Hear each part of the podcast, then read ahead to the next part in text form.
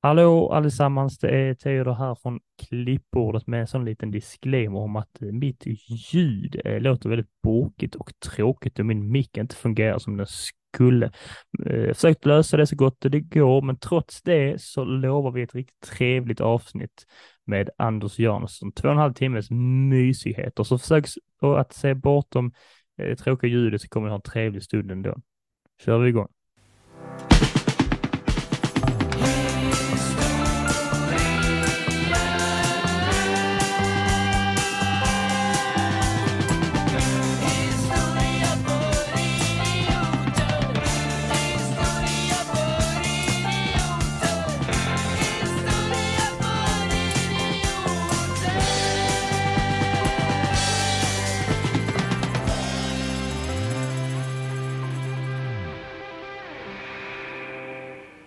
Hallå och hjärtligt välkomna till podcasten Historia för idioter med eh, mig, Teodor Olsson och min gode vän Alexander Riedel. En podcast om historia på ett lättsamt och roligt vis. Och som ni hörde så hade vi ingen introsketch och det eh, kan betyda två saker. Antingen att jag har varit väldigt lat och inte orkat klippa in Alex sådana krav han har på konstiga ljud och sånt, eller att vi har en gäst. Och idag så orkar jag med Alex, fast vi har en gäst. Så det är trevligt äntligen att kunna slippa prata med honom själv. Och det är inte vilken gäst som helst, utan han är känd från tv-program som Hipp Hipp, Halvvägs till himlen, Intresseklubben och är aktiv just nu i podcasten Mellan raderna, men specifikt med sin eh, show Mina sinnesfulla bruk. Välkommen till podcasten, Anders Jansson. Tack så hemskt mycket. Kul att vara tillbaka.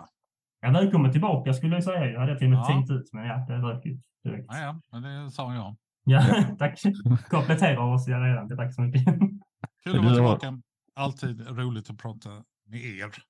Yes. Du, du har haft fullt upp eh, sen sist. Eh, det känns som att, eh, nu, det kan ju också vara på grund av att jag följer dig på sociala medier, men det känns som att varje dag så är det ett Anders-projekt igång. jo, men det är ganska, det har blivit ganska mycket. Ehm, ja, men dels har jag kört min föreställning och den hade jag premiär på för ett år sedan ungefär. Och nu är jag ute på tredje vändan i Sverige. Så att eh, i helgen så är det Kalmar, Växjö, Kristianstad gånger två och sen Landskrona gånger två. Ah, jag, har, jag tror jag har 15 ehm, shower efter denna helgen. Sen är jag klar med denna. Men då landar vi på 100, 104 shower totalt. Så det är ganska mycket. Det blir ganska mycket. Det, kan ja, ihåg, det kommer jag att vi pratade om, eh, för du hade precis lanserat den eh, sist vi gjorde på då, 2021 mm. där, att du, eh, att du, test, att du liksom testar dina, du skriver inte utan du skriver det på scen. Du måste, ja. måste, för då måste ju showen ändå förändras ganska mycket kontinuerligt över de här 140. Ja, ja men verkligen. Ehm, de som såg premiären känner kanske inte igen mer än hälften ja. nu. Liksom. Um, sen finns det ju en stomme som man liksom utgår från och förbättrar hela tiden. Men nu, nu känner jag att den... Uh, det är svårt att ändra nu, för nu känns den så supertight. Yeah. och jag kan den som ett uh, verkligen rinnande vatten. Så det, um, och då, det finns alltid att man kan gå in och ändra liksom små grejer, men ja, jag är liksom av Ehm, övertygelsen att det är bättre att köra någonting på 100 procent. Så att man liksom är övertygad och känner sig lugn på scen och sådär. Sen kan man alltid förbättra. Men det vad ehm, Lars Wikström, min manusredaktör och jag räknade ut att oven växer ungefär med en minut i veckan när man är ute. Så man måste hela tiden liksom rein it in sådär liksom att hålla koll på den. Eftersom jag inte har någon paus så måste jag ligga under 85 minuter för sen kommer uh, urinblåsorna göra sig påminna. Kan du inte avsluta med att du gör en sån här Peter Jackson-cut av det? Att då kommer den extended live-versionen. Så nu är det vid mina sinnens fulla bruk, the total show, fyra timmar. en commentary av uh, Richard Taylor. Du vet han, production design. Världens roligaste människa. These are crossed, all crosshands here. We built them for hand. Ja, det är så, alltså den eh, dokumentären med honom, det är så roligt. Hans, hans röst i, krockar med hans kunnande på sätt. Han var, har ju vunnit typ sex Oscars. Liksom. Men den rösten han har, man hade inte stått ut fem minuter om han har varit historielärare i skolan. Eller så hade man skrattat i princip hela tiden. Ja, förmodligen. Förmodligen lite av båda. Du skrattar ja. halva läsåret och sen är man nog trött på det. Du har ju börjat Alex att vara lite historielärare nu. Skrattar de med dig eller åt dig mest? De... Eh, nej, de, de skrattar inte mycket de. nej, Vilken årskurs det, är detta? Jag har eh, gymnasieelever. Right. Så att jag har eh, undervisar ett par klasser i, i kursen som heter Historia 1A1 som är i stort sett eh, gå igenom den kronologiska historien och vara lite mer, eh, ja, vad heter det, källkritisk eh, till vissa moment. Var är, ni nu? Var är ni nu? Vi har ju precis börjat så att vi ska, nästa vecka så börjar vi på antiken. Ja, nice. Så det, ja, det ska bli helt otroligt roligt. Jag är väldigt, jag är väldigt peppad. Eh, men vi har mötts eh, som eh, Theodor och några, de, några lyssnare säkert vet. Jag har ju sen i februari har jag ju slatt till med en stand-up-karriär.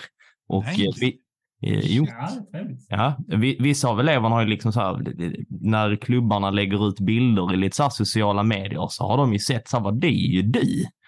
Och sen man bara, ja, ja, det är jag. Och sen bara, men du är ju jättetråkig. så här, Tack så mycket. Mm. Så vad tror du att mitt eh, scenmaterial är? Att jag har en powerpoint? Har ni, tänkt, har, ni tänkt på, har ni tänkt på att Sokrates hade ganska pinniga ben? Okej, okay, tack ska ni ha. Jag kommer tillbaka imorgon. Det finns ju skitmycket roligt i historien. Vi det gjorde ju till och med en historisk föreställning, jag och Johan. Johan Westerlund. Um, det finns ju väldigt mycket roligt i historien, men jag kan tänka mig har man, eh, sitter man med fem öl innanför västen och lite småtrött så, så, så kommer det upp någon stand-up och kör historiska skämt. Kanske kan du inte göra det nästa gång? Vilken är svår? Nästa gång det är, du, får, du får med på humorbaren, att du tar lektionen du hade på förmiddagen. Bara ta med den. Ta med den så bara kör. Men du får ju snacka skit om dina elever. Det känns eh, som en rolig... Ja, det, det vågar jag faktiskt inte göra. Man vet ju aldrig. Vad vet, vad vet jag ju förstår. det? Bara byta namn. Ja, det är en kille ja. som heter Fabian, eller äh, Albert kan jag heta. vi kan kalla honom. Ja, ja men så att man är, men det är lite spännande. Det blir spänning i vardagen. Eh, ja, men verkligen. Fan vad kul. När började det... du med detta? I februari. Wow. Så att jag har, eh, jag har väl haft ett, kan det vara, 35 gig kanske sen wow. dess. Så gött. Ja, det är, svin, det är svinkul. Har du, eh. är du duktig på att hitta på nytt eller blandar du och liksom kör safe? Ja, problemet, det... problemet är ju med vissa komiker när man har åtta minuter så vill man ju liksom att det ska vara åtta bra minuter. Ja, ja men nu har jag fått ihop eh, eh åtta ganska bra minuter faktiskt. Som jag, eh, jag var körde igår, där är ett ställe i Malmö som heter Humorbaren. Eh, så det var första gången jag körde på liksom, där folk har betalat biljett. Nice. Eh, och då gick det ändå så här, ja men det gick bra. Eh, liksom så här, publiken var ändå, det var kontinuerliga skratt. Eh, så att då, då känns det bra. Ja. Att, men eh, Lund Comedy nästa år? Ja, men jag, jag siktar på det.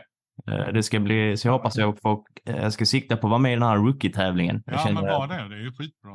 Bra erfarenhet och bra... Jag kanske är aningen partisk men jag tycker faktiskt han är ganska duktig också. jag tycker det. Jag konsumerar ändå ganska mycket. Ja, ja verkligen. Jag tycker, verkligen. Ändå, jag tycker ändå att han är jag, jag, känner att det är en sån uh, lite muppigare variant av så Batman. Att det är så att det är på så här, by day I'm a teacher och by night då säger jag penisskämt till främlingar. ja, det finns ju till och med comedian finns en karaktär i Watchmen. Så att, uh, ja, just det. Det gör det. Ja. Så du får ta med en sån pen. Du får ta med en sån pen. Han är glad gubbe med en liten blod med en liten blodfläck. Ja. Ja, fan vad kul. Det var roligt att höra. Vi behöver skratta, människor. Eh, ja, men det behöver de. Ska vi se. Theo, du... du... Eh, behöva skratta. Så innan vi går in i några frågor här nu så vill jag bara kommentera någonting eh, som vi har fått kommentarer på ett förra avsnitt. Förra, eh, Anders, förra, för en vecka sedan släppte vi ett avsnitt om Polens historia. Jag är då halvpolack så jag kände att jag vill göra detta här nu och så. Vad trevligt. Men så många som har poängterat att det råkar ju då bara bli avsnitt 88 då. Och det är ju eh, Hitlers nummer har jag förstått. Så att eh, mm. eh, många som har påpekat att det var inte meningen. Vi har inte, jag vet inte om Alex har försökt lura mig. Alltså, vi, vi försöker inte skicka några subtila meddelanden ut i etern. Det är inte riktigt det Nej, tänkt. Vi är inte så smart. Så, Så smart är vi Det inte. bara råkade bli första... Men berätta, 88, vadå? Var det Hitlers Det är ju åtta är favorit? ju... Eh, Är den magisk innebörden? eh, liksom? bokstaven H är åttonde bokstaven i alfabetet.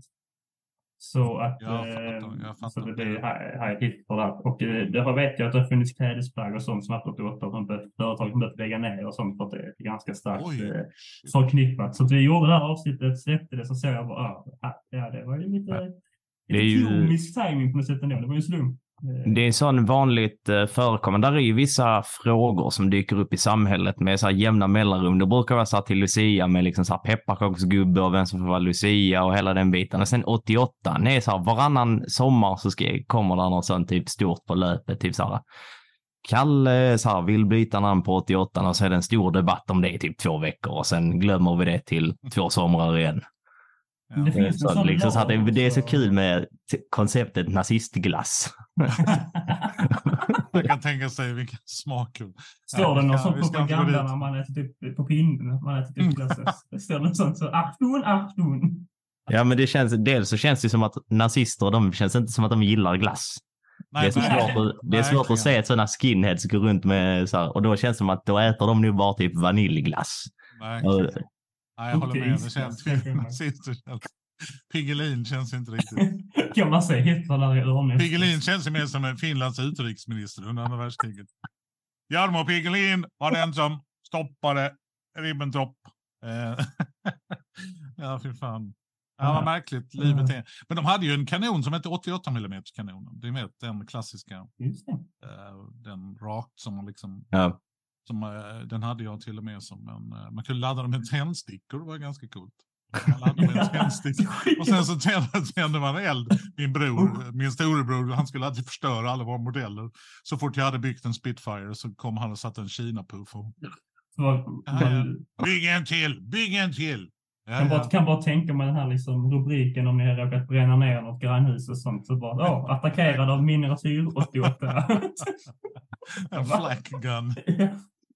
Eh, nej, men jag nämnde nyss att vi har några eh, lite halvfluriga frågor likt vi hade sist. Men vi har, eh, vi har en eh, återkommare som vi haft, hade förra gången som eh, vi tycker om så mycket så vi ska svara på igen. Eh, och så har vi två eh, nya. Vi kan ju börja med då helt enkelt eh, för du är ju ett stort fan av Arsenal, så det handlar lite om det. Eh, Och Mhm. eh, då har vi tur i att det blev ju lika helgen, så att jag hejar på Spurs, så vi båda kan sitta här och ha det trevligt. Är du på Spurs? Ja. Oh my god. Sånt där Eh. måste jag få reda på. Sånt där måste jag Detta, få reda på. detta jag pratade vi om sist faktiskt. Men, Ja, eh, ja. Och det eh, just det. det Jo, var- men nu ser jag, jag har en svart lista här. Ditt ansikte, ditt ansikte, ditt ansikte sitter på min vägg. På tal om din podd förresten, mellan raderna, så jag sitter ju och lyssnar på den eh, är ganska ny in i Premier League och så tänker jag, men kul, en rolig podd om Premier League. Sen undrar jag när man ska prata om Spurs, tänker jag, men så har jag ju inte läst mellan raderna, har jag inte gjort. så jag inte, det, kommer, det kommer ni inte göra. Erik som... Eh, ja, vi försöker ändå. Vi intervjuar ju de som har... ja, Eh, Ledley Kings Ledley. Kings knä, Ja, ja. bra. Så att vi pratade med dem och eh, vi försöker då... När Erik hackar på Liverpool så försöker jag skydda Liverpool om inte Niklas är med. Och när jag hackar på Tottenham så försöker Erik skydda Tottenham. Ja, jag- Så att jag- vi jag- får lite, så att man, de inte är helt ensamma. Chelsea är tyvärr ingen som vill ta i. Alex, vem hejar du på? Jag, jag har ju mina sympatier, i, det, det vet jag inte om jag vågar säga för då kanske Anders eh, så här bara lämnar samtalet. Eh, Men om vi säger så här Anders, senast eh, våra lag möttes så åkte ni ur Champions League med 10-2 över två matcher. München. Ja, det, det är där jag har hemma. Men när jag följer engelska fotbollen så är det ju, det vågar man inte prata öppet om i sådana här dagar för att vi åker snart ut med Chelsea. Så, Oj då. Chelsea och Spurs och Arsenal sitter här nu och poddar Ja. om historia. det, det, det är så, Det är ändå ett tecken på förbrödring tycker jag. Ja, jag. Större ämnen kan föras Ja. närmare. det är, det är lite tråkigt för halva, halva nöjet med fotbollen är ju liksom så här att eh, vara lite småhetsig. Och det, är- det är så tråkigt nu när Tottenham går ganska bra och att Chelsea har inte gjort mål på typ en och en halv månad. Och så det är ju Nej, bara, det, det är Men det- jobbigt. Det enda man kan glädja sig åt är att allting vänder i fotboll. Det är liksom Ja, ja. cykler. Så, Säg så inte att, det. eh, Säg inte det. Jo, tyvärr är det Det så. är Att, första gången som jag mår bra som Spurs-fan, så säg inte det. Jag vill inte att ja, det men, eh, hända. Spurs, Arsenal har det gått ganska bra för nu de senaste två, tre åren och nu börjar Spurs också hitta en liksom, identitet. Efter ja, det får man väl säga. Men på tal om det här um, hetsiga, jag vet inte om du tänkte, jag tänkte lite på det på derbyt nu att Visst, det, var, det är ganska, där märks, det historiska märks fortfarande, det är lite tjafsigt och bråkigt sånt. Men det var också för mycket kramar och sånt kan jag tycka. Jag vet, alltså det där är, det där är ganska intressant, liksom hur jag tycker att sport ska vara liksom förbrödring och sådär, men man någonstans, det var ju, fanns ju ett klipp där eh, Paquetá som spelar i West Ham, han var ju på väg till Manchester City i somras. Ja. Och då är det ett klipp där han, när West Ham och City ska mötas, så springer han fram till Guardiola och typ, oh, hallå Pep, hur är läget? Ja, läget. Före match. alltså före match. Hur fan? Då hade man ju blivit förbannad som uh, supporter. Det är liksom där, och sen så går man tillbaka till Patrick Vieira i Arsenal som bråkar med Roy Keane i United och då är det ju liksom slagsmål. Så här nära slagsmål hela tiden. Så att, ja, någonstans däremellan. Jag, jag är ju inte en sån nostalgiker som tycker att vi ska sparka benen av varandra som Nej, det är lite överdrivet. 70 och 80-talet. Liksom. Jag, kan, jag, jag, jag, jag tycker på... det är trevligare med, där vi passar och liksom där det blir mål och det blir snyggt och sådär. Men sen finns det jävla namma. Men derby är ju roligt för att man vet ju aldrig hur det går. Det spelar ingen det var, roll. Det var ju en väldigt bra match för sig. Ja, det var liksom, jag tyckte båda lagen spelade ganska dåligt. ja, men, båda eh, hade sina alla gjorde misstag på något sätt. Romero Exakt. gjorde misstag och ja. gjorde misstag. Det var rätt komiskt, för jag satt faktiskt några timmar innan matchen och pratade med Alexander och sa ah, Romero har inte gjort ett enda misstag på hela säsongen. Så. Ja. Det, det, var ju så, de hade ju släppt en sån, eh, typ, eh, som de brukar göra, en, så här, en combined startelva av de bästa spelarna från respektive lag. Mm. Och Theo bara, hur kan Romero inte vara med? Han är en av världens bästa mittbackar. Nej, och, så, och, och, jag säger så här, det är han inte Theo. Nej, i mitt hjärta är han det. Jag är också medveten om att, eh, alltså det är klart att Arsenal i siffror har bättre startelva, men det ser inte ut som det i alla fall, som vi säger. Men, men eh, Romero är en sån som har haft tur att hänga med Messi när de vann VM. Sen nej, han, oh, vi vann VM! Ja, du gjorde inte så jävla mycket, det var han som gjorde alltid. Men han är bra för oss i alla fall, så mycket kan jag säga. Eh, men det var egentligen här jag tänkte på det här med att det var, alltså att det var liksom lite för mycket kärlek. Det finns ett klipp eh, när han eh, knuffar ner, vi har hörna, knuffar ner Gabriel Jesus. Och sen en sekund senare så de har kramas och förlåter varandra. Jag, bara, ja, jag vet inte, kanske så vi ska ha det, både hets och både så, men det är lite så här, också väldigt olikt Romero upp mot vänster. Att bara så. Han skickar på riktigt. Ja, alltså att en, en argentinare som hjälper en brasilian. de är ju ganska mycket ovänner. Ja, så det så just det jag tänkte. Men om vi ändå pratar om Arsenal då så måste vi ändå fråga här i historiepodden om, eh, om du får välja en historisk person att sätta in direkt i Arsenals startelva. Eh, kan också säga till bekostnad på vem då kanske. Eh, vem skulle det då vara? Du får då inte välja någon fotbollsspelare eller atlet för det har varit för enkelt. Nej, det fattar jag. Nej, men då skulle jag vilja ha på uh, Djingis khan på högen. Fullständigt livsfarlig. Och att du, du kan ta svärdet med dig in på plan. Och då fyller ni läktaren varje Va? gång om hans barn ska komma. Sådär. Ja, men det är trevligt. Djingis khan, han kör på högerkant och mejar ner liksom det som det, det känns som en bra... Det är riktigt bra svar. Annars, annars, man tänker ju på Monty Python-sketchen, ni vet ja. filosoferna, tyska och grekiska. Och där det är så roligt när de introducerar och att de tys det tyska laget har något överraskande så har de med Frans Beckenbauer i startelvan. Ja. Det är väldigt skoj. Den är, kanske, den någon, eh, kanske någon filosof skulle man ha. Alltså någon positiv jävel, ingen Kierkegaard eller någon sån. Men eh, någon, Plato kunde spela på mittfältet. Han känns som att han har många roliga idéer. På något sätt. Mm. Att, eh, Som att han bara ja. stannar och föreläser då mittcirkeln. Samlas ja. över mig, samlas åt mig så ska vi alltså. Tänker man börja tänka idrottsmän och så, liksom, det är klart att man hade kunnat ha min, min, spontana gissning är ju att uh, Plato, Sokrates och grabbarna, de, de, det känns inte som att de har många löpmeter i sig. nu har de faktiskt varit döda ett par tusen år, men när de var liksom så här peak, när de fyllde 22 Nej, så kändes det som trappor är deras största fiende i livet. Ja, mina knän, mina knän. Men var det inte Aristoteles som ofta gick eller var det Plato? Jag kommer aldrig ihåg dem. Liksom, sådär. Um, Aristoteles gick ofta, de var ute och gick med sina elever. Så att han ja. hade nog ändå ganska bra Han kanske kör stavgång. Fast det, han, han pallar inte jogga. Det känns liksom... Jag tänker det är rätt bra psykning också där. Man liksom, han ska springa efter, säger Romero då. Liksom bara så. Du har du tänkt på det här, vem som är bäst ledare i världen? Romero bara, håll käften, jag ska sparka boll. Har du inte tänkt på detta? Finns du på riktigt? ja, finns du? Du tänker på det? Vad är det då? Då går motståndaren hem gråtandes till någon kris. Skulle få Romero den frågan så har man bara när han hjärna liksom. Så han har aldrig haft en abstrakt tanke Nej, i huvudet, den karln. Han har ändå samma blick. Han har samma blick som han brukar ha. Där, jätteöppna ögon. Oavsett, oavsett om han har gjort självmål eller mål eller kapat. Ja, han är bara, han alltid han är bara en äh, väldig familjefar, inget mm. annat.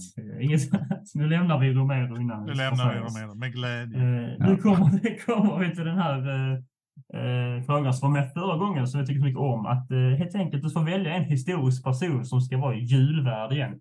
Förra gången sa du Jesus, mycket bra svar. Eh, så det får du inte säga igen, eh, helt enkelt. Det kanske inte hade varit så roligt. En historisk, Babben tar en. Det känns lite för, det känns lite för modernt på något sätt.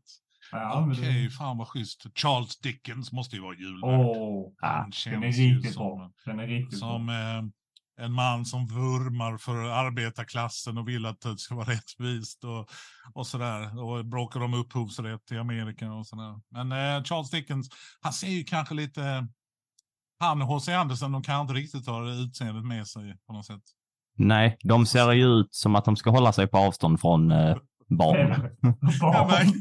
de, har, de har lite P-utseende, om man nu kan säga det. Annars ja, får det kanske vara någon eh, mysig gammal kung, alltså Gustav Vasa kanske, men han var ju knäpp på sitt sätt. Um, ja, vem skulle man ta? Kanske någon Hemingway, hade inte han varit rolig att säga? Ulms. Ja. Hemingway. Han känns som han kan snacka i alla fall. Han hade ju varit berusad, han hade varit jätteberusad. Äggnog eller något sånt. Han hade varit ja. superpackad. Man får liksom tänka, vem var 1500-talets Terry Taylor? Får man tänka Det finns säkert. Ja, men någon, någon i familjen Borgia, någon i familjen Borgia ja, sån där, som sitter lite småpackad på bag-in-box. Som sitter och... One and one. Det, det är också trevligt att tänka att de ska få flyttas till vår tid. Hur jävla förbluffande den kommer vara. Verkligen. Nej, mysigt. Nej, men den som kanske... Karl Marx är väl den som liknar jultomten mest. Just det. Ja. Och den klassiska bilden där han verkligen ser ut som jultomten. Så att eh, Karl Marx kan vi sitta och prata Ja. Kap kapitalism. Ja, har vi inget emot, för att säga, utan att säga för mycket. Men... Eller Kryger. Kryger kan sitta och tända med tändstickor och liksom, ah, denna funkar inte. Så att bara så att han gör av med massa tändstickor när han ska tända ljuset. Jag tänker också snart är väl Arne Weise historiskt nog att nämnas också. Verkligen. Tänker på att han har varit ur tiden eh, Exakt. rätt länge faktiskt. Mm. Vi kan väl gå över till nästa fråga utan att det här för länge. Det var kanonsvar Och det handlar då om ditt spelintresse då. Vi har ju faktiskt själva för ett x antal månader till börjat doppa tårna i det här med rollspel då. Mm. Uh, och känner oss ändå ganska pepp på att fortsätta. Vi hade en trevlig stund av Dungeons and Dragons hemma hos uh, Alexander. Där vårt lilla party gick och dog ganska tidigt. så vi ville Eh, Alltid trevligt att man kan dö och ändå vara glad att kvällen... Ja, det var jättetrevligt. Alltså, bra Alex... kväll. Jag dog, men i övrigt var kvällen ganska trevlig. Alex är en väldigt trevlig game master, säger man så. Eh, ja, ja Dungeon Master. Dungeon Master, just ja. det. Det hör ju, det hör ju ah, ja. vilka nybörjare Game Master, Game Master känns mer som en uh, övergripande, där, som inkluderar ja. alla spel. På. Så det går absolut att säga. Men det vad, känns var lite, vad var frågan? Ja, det skulle jag komma till då. det det det känns lite som en sån liksom förlorad eh, sätt, form av omgivning och underhållning. Så vi vill ju fortsätta med detta då. Men då undrar vi vad det finns för liksom bra spel du kan rekommendera för nybörjare. Um, alltså rollspelen växer ju ganska rejält i världen, uh, rollspelandet. Och um, det har ju fått lite skjuts sådär av Stranger Things och Big Bang Theory. Men jag tror också att pandemi har brädspel mm. och det, det finns ju vissa brädspel som påminner om rollspel. Alltså där man är en karaktär, typ. Det finns ju då i Cthulhu-världen som jag rör mig ganska mycket i. H.P. Lovecrafts berättelse om The Great Cthulhu. Um, som skrevs på 20-talet, de här science fiction skräckberättelser om ett kosmiskt eh, Mm. Kosmiska monster som gömmer sig på jorden och i olika dimensioner och sådär som återvänder. Eh, som man ska försöka bekämpa sekter och sånt som. Eh, det är ju väldigt kul. Det är liksom en slags skräckvariant av Indiana Jones på något sätt. um, det låter ändå Så Call of Cthulhu, jag kan faktiskt, jag har till och med plockat fram böckerna här. Uh, för jag ville visa er. Då kan jag rekommendera Cthulhu Sverige. Ja. Aha, wow. Denna, ni ser, det är ribban, detta är ribban i Malmö. Där Cthulhu, Cthulhu ja. dyker upp. Ja, ja, det... här, här sitter några 80-åringar och bastar just nu. Nakenbad. Nakenbad. Vad är det som luktar? Har du fan hört Exakt. Nej, shit, det var Där kommer Cthulhu ur havets botten. Ja, eh, Cthulhu Sverige, eh, originalspelet Call of Cthulhu kom 1981 och då var ju vi tonåringar. Och eh, vi växte upp med Dungeons and Dragons och sen köpte vi i princip varje spel som kom ut. Så vi hängde i Malmö på Värnhemstorget på en butik som heter Bosses Hobby.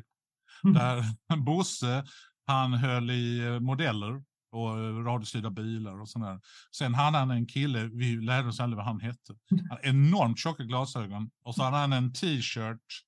Jag vet inte om jag har hört Adolfsson och Falk, svenska duon. Yep. De jobbar ju med en kille som heter Greg Fitzpatrick som köpte in ganska mycket syntar och trummaskiner och sånt här precis i 80-talet när de kom. Och då gjorde Greg Fitzpatrick gjorde en tröja och den här killen då med lite ölmage och jättekokabottnar, glasögon. Han hade t-shirten Stoppa plågsamma syntförsök. som, som eh, visste man så visste man. Men då köpte vi Call of Cthulhu som gavs ut av Chaosium 1981. Det var liksom och det är ett av de fem bästa rollspelen som har gjorts. Liksom. Ja. Sen 1981 så har det kommit många, många nya uppdateringar och det finns jättemycket bra äventyr att köpa. Det är ganska lätt att göra egna äventyr tycker jag. Um, men sen kom det då för några år sedan en svensk version som heter Cthulhu Sverige. Och vad som är kul med den är att de andra versionerna ute i världen, i Japan är detta det största rollspelet, för de gillar ju skräck och tentakler. Ja, Men då har de bara översatt det amerikanska. Så att när man, då spelar man som en investigator i Arkham, mm. som ju då uh, Lovecraft hittade på. Sen approprierar ju DC det i Batman någon gång på 60-70-talet. Med Arkham Asylum och sådär. Um, men i Arkham, Arkham är liksom en påhittad stad som bygger lite på Salem, ni vet, ja, häxjakterna där uppe i Massachusetts. Um, men och då är den översatt till japanska. Men den svenska är svensk. Så då spelar man liksom i Stockholm och bor i Stockholm. Och det finns otroligt mycket research. Jag tror ni skulle älska att läsa de här böckerna. Ja. Det, är, det är ju ren research i vissa fall. Alltså Sverige på 20-talet, Europa på 20-talet. Eh, kvinnans frigörelse. Det står liksom jättebra Det låter jättetrevligt. Jag hoppas nu att Alex inte så att, eh, Jag tycker ni ska satsa på Cthulhu Sverige. Det ja. är faktiskt en... Vilket eh, bra tips. Det är ett jättebra tips. Ja, ja, jag har kollat upp det. Jag är ganska, där är ju, vi, ja, för er som lyssnar utom Socknes, det vill säga inte i Skåne, men här i, jag bor ju i Lund, men där finns ju i eh, Malmö liksom den här sci-fi bokhandeln och de har ju ganska mycket och där har de stor avdelning. Så där görs det mycket reklam för eh, Call of Cthulhu och jag är stort Lovecraft-fan också. Ah, Men visst är det så här att du har ju varit med och jobbat fram vad jag tolkar som, nu får du jättegärna rätta mig om jag har fel för annars blir det rätt pinsamt, men att du har jobbat fram vad jag tolkar som expansioner eller så här, nya äventyr av Call of Cthulhu Sverige som utspelar sig här i Lund och i Skåne som ska släppas. En del, Räddaren i nöden, den är väl redan släppt. Och sen kommer där två stycken till under hösten här. Yes, nu visar Anders upp den. Och då är nöden eh, det är en stadsdel här. Ja, ja, precis. ja, precis. Det är ju stadsdel eh, här i Lund som ligger ganska så centralt. Ja, precis. Jag fick ju... Um, vi gjorde ju en rollspelsfestival som heter Lund 1922. Um, 2022. Och nu gjorde vi en som heter eh, Lund 1923. Så vi följer ehm, um, 100 år. Sådär. Um, och då eh, när vi gjorde 22 så fick jag i uppgift att skriva ett äventyr som utspelar sig i Lund. Det är nämligen så här att och det är därför jag tycker man ska köpa Cthulhu Sverige, för att det kommer komma ganska många roliga grejer till Cthulhu Sverige. Bland annat då, som Lundabo, så släpps det ju i januari tror jag. Det var tanken att det skulle släppas till jul, men det, de skyller på kriget i Ukraina, så det är inte så mycket att säga.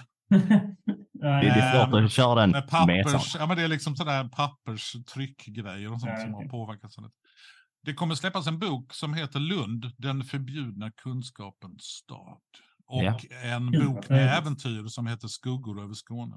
Ja. Så att om man bor i Lund eller bor i Sverige så kommer Lund bli Arkham. Alltså Lund kommer bli lite så som Lovecrafts Arkham. Ja. Och de delar ju ganska många grejer. Det finns universitet, det finns bra eh, universitetsbibliotek. Dessutom har ju Lund en domkyrka och en ja, ganska lång det. historia jämfört med Arkham eh, med danskar och hela balletten. Så att, och då skrev jag att även vi, det, finns, det kommer finnas äventyr som utspelar sig på Sankt Lars, som yeah. då är mentalsjukhuset.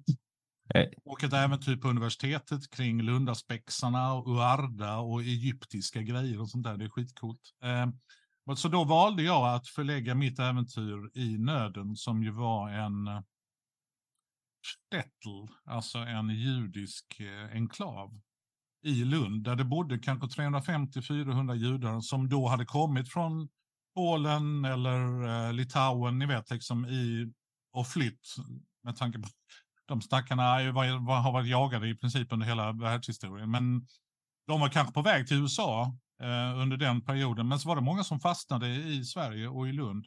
Så att vid ett tillfälle på 20-talet så bodde det typ 400 judar i Lund. Och de har egen synagoga, de hade korser, slakteri och allt det försökte jag skildra. Så att i min berättelse så är det en um, ung judisk pojke som heter Ruben som har hjälpt ett kriminellt gäng um, som håller till Stora Råby. Alex, du vet vad jag pratar om. Strax utanför Lund.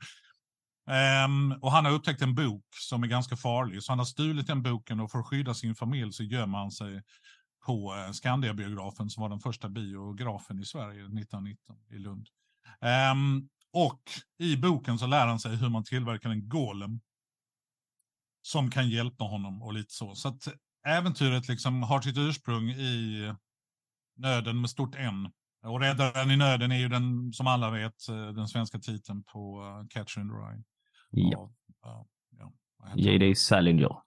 J.D. Salingers roman. Um, och det får, får, man ju reda på när man lägger ut den på Facebook. Då kommer alla litteraturvetare. Vet du om att det är den svenska titeln? Ja, det vet jag faktiskt, men det är stort N i denna. Varför har du tagit den titeln? Det är väl dumt? Nej, det är absolut inte dumt. Nej. Men så det var ju en eh, ära för mig att få göra ett äventyr som nu är publicerat. Liksom. Det är helt yeah. Men de här Lund, Lundaböckerna, de kommer bli så jävla coola. Jag, är så, jag kommer, nu kommer jag inte ihåg var jag hörde dig berätta om det först. Jag tror det kan ha varit i podden Nörbit, för där vet jag att du har gästat ja, några gånger. Uh, den uh, lyssnade på veckovis. Så att när, när jag fick höra om detta, och det var ju liksom precis när jag började, liksom så här, satt ihop med Theo och börjat liksom så här, fan vad, det är ganska kul det här med rollspel. Och sen bara, åh, någonting så här Love, Lovecraftian. Wow, det är Lund. Och ja, så, jag bor ju uh, på det som heter Källby. Men det är ju liksom så, här, det är liksom så att jag kan nästan från min balkong, om det inte hade varit för att jag är dålig på att kasta grejer, alltså att jag hade kunnat kasta en sten på liksom så här mentalsjukhuset. Verkligen. Så att eh, jag ser fram emot när det kommer eh, och släpps i butiken, för då, då blir det en spelkväll här, vill jag lova. Ja, och det, och det roliga är, nu har vi spelat två stycken, vi spelar ju live inför publik eh, på, ja. de här, på de här rollspelsfestivalerna. Och nu senast så um, var kronprins Gustav Adolf på statsbesök med Louise Mountbatten.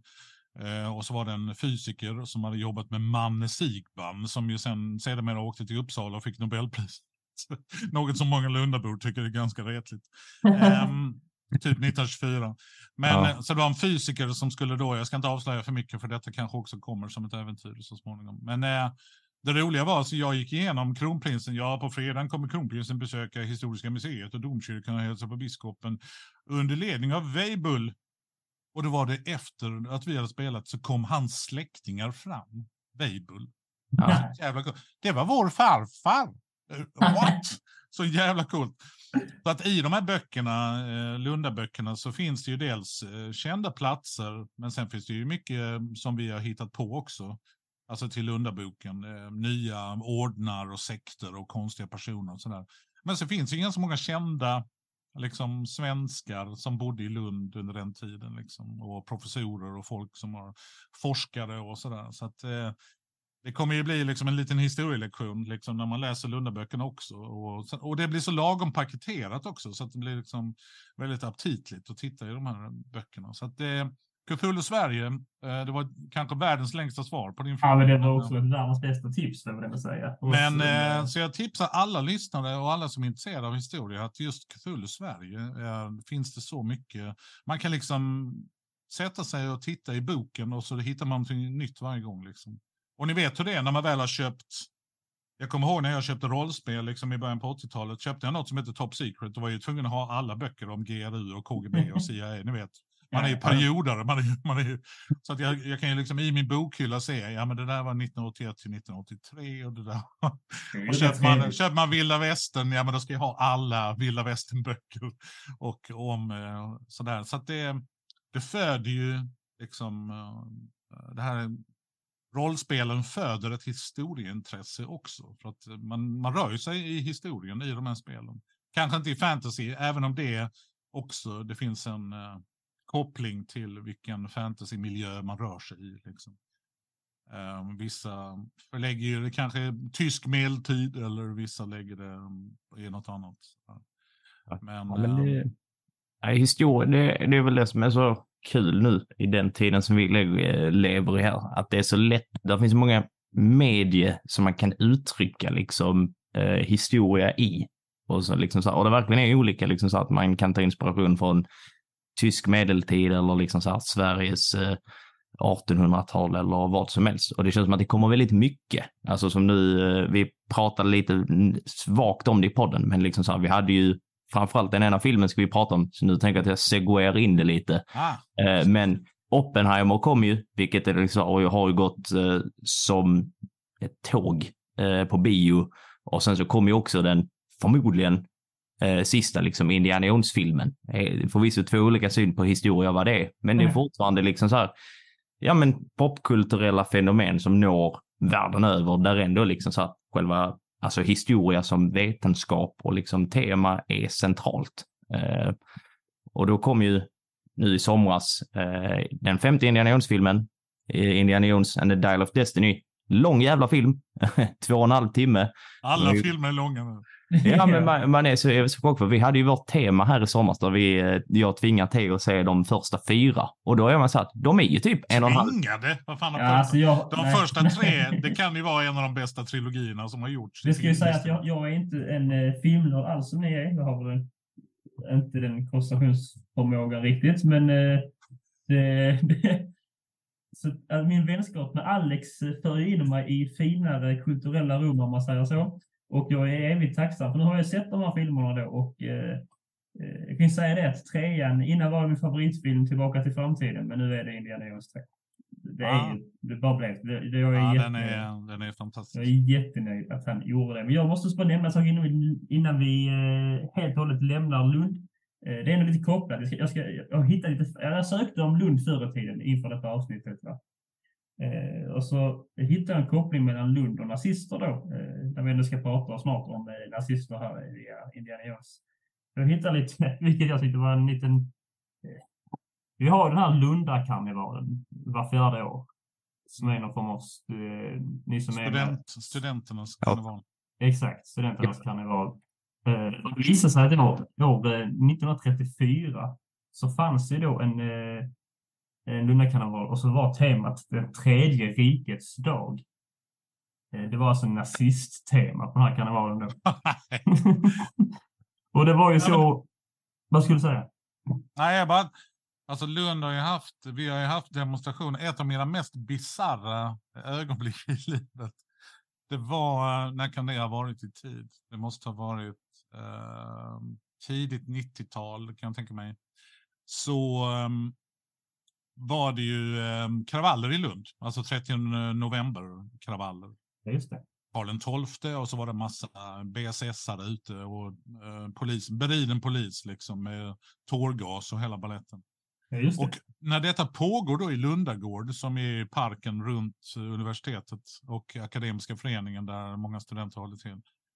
Så då spelar vi ett spex som heter Uarda som utspelar sig i Egypten. Så att jag är utklädd till egyptier och står, jag står på balkongen och tittar ner på de här kravallerna. Det blir en sån otroligt konstig scen när jag står där ute och feströker och så pågår liksom polisen med batonger. Det ser ut som Paris, liksom eh, upploppen från 60-talet, utan det flyger kullerstenar. Och där står jag där uppe. Jaha, ja, ja. Jag var helt säker, för jag var ju för fan åtta meter uh, upp i luften, så jag kände mig helt trygg där uppe. Men bara den bilden känns nästan som att den är tagen. Du tänkte om ni hade skådespelat så bra att du åkte tillbaka i tiden? Ja, men verkligen. verkligen. Men det är lite, det, jag skulle komma till var att det eh, på 30-talet då så var ju inte, alltså nazismen var ju ändå lite, det var inget tabubelagt än. Som nej, inte på det, nej precis. Eh, och det var ju man visste ju knappt vad fascism, vad var det för någonting? Det visste ju inte alla och det fanns ju fascister i... Ehm, och de här kan man träffa på i Cthulhu Sverige. Det finns kapitel om eh, fascisterna i Sverige på 20-talet. Och så.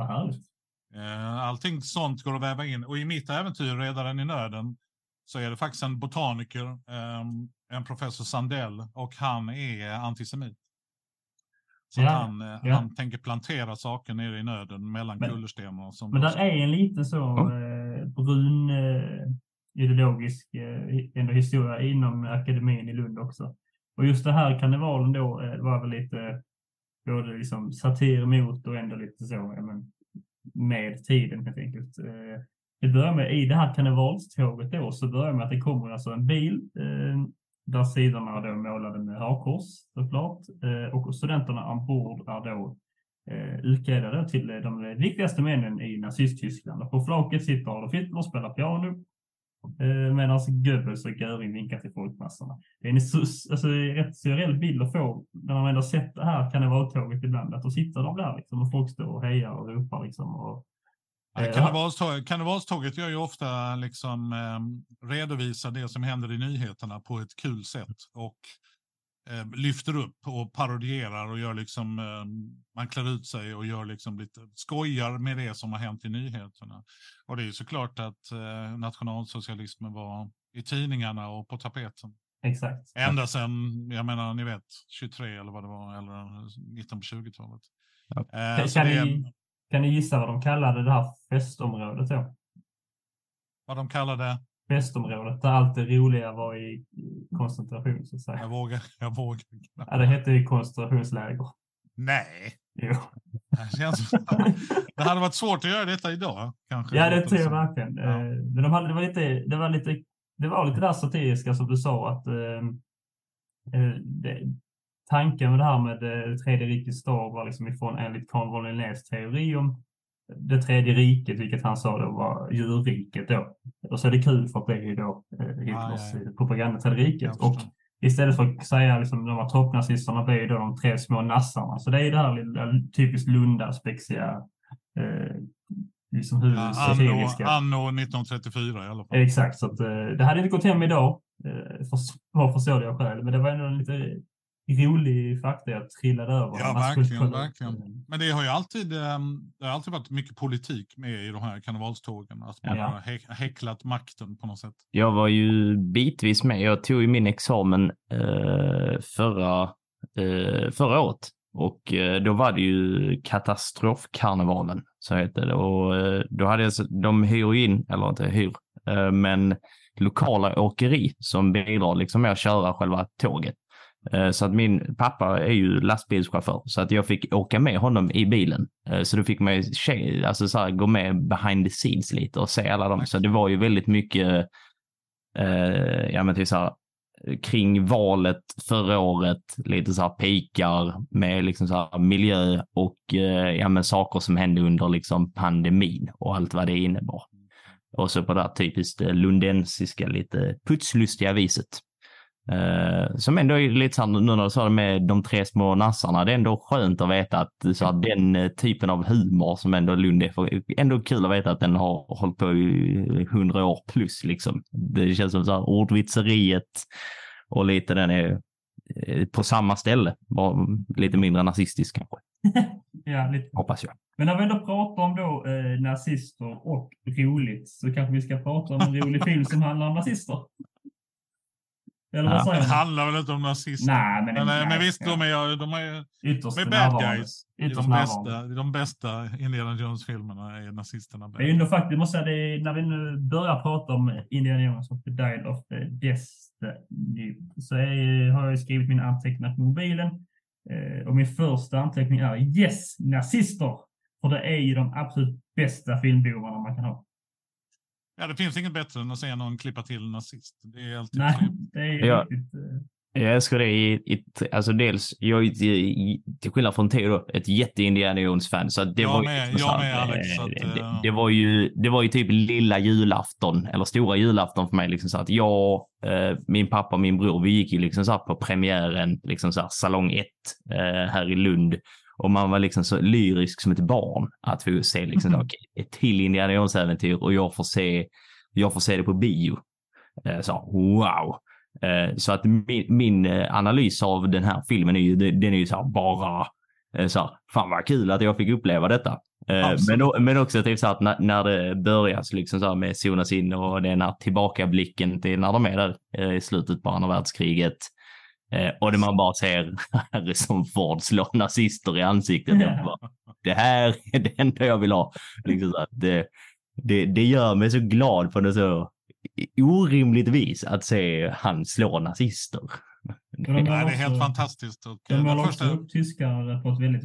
Vi, är så här, vi har den dynamiken i podden att Alex är ju då eh, tysk-ättling och jag är eh, polsk-ättling. Så vi försöker ju lösa eller eh, elda på århundradiga bråk här. Men eh, jag ja, tycker, jag tycker, det är jag många tycker, att- tusen år ni har bråkat på olika jag sätt. tycker att filmen målar upp här i början då, på första scenen, att man återigen får se hur, hur liksom, giriga de tyska rackarna är. Ska bara ta allt de kommer, kommer åt och sånt och lämnar inget åt de som äger det.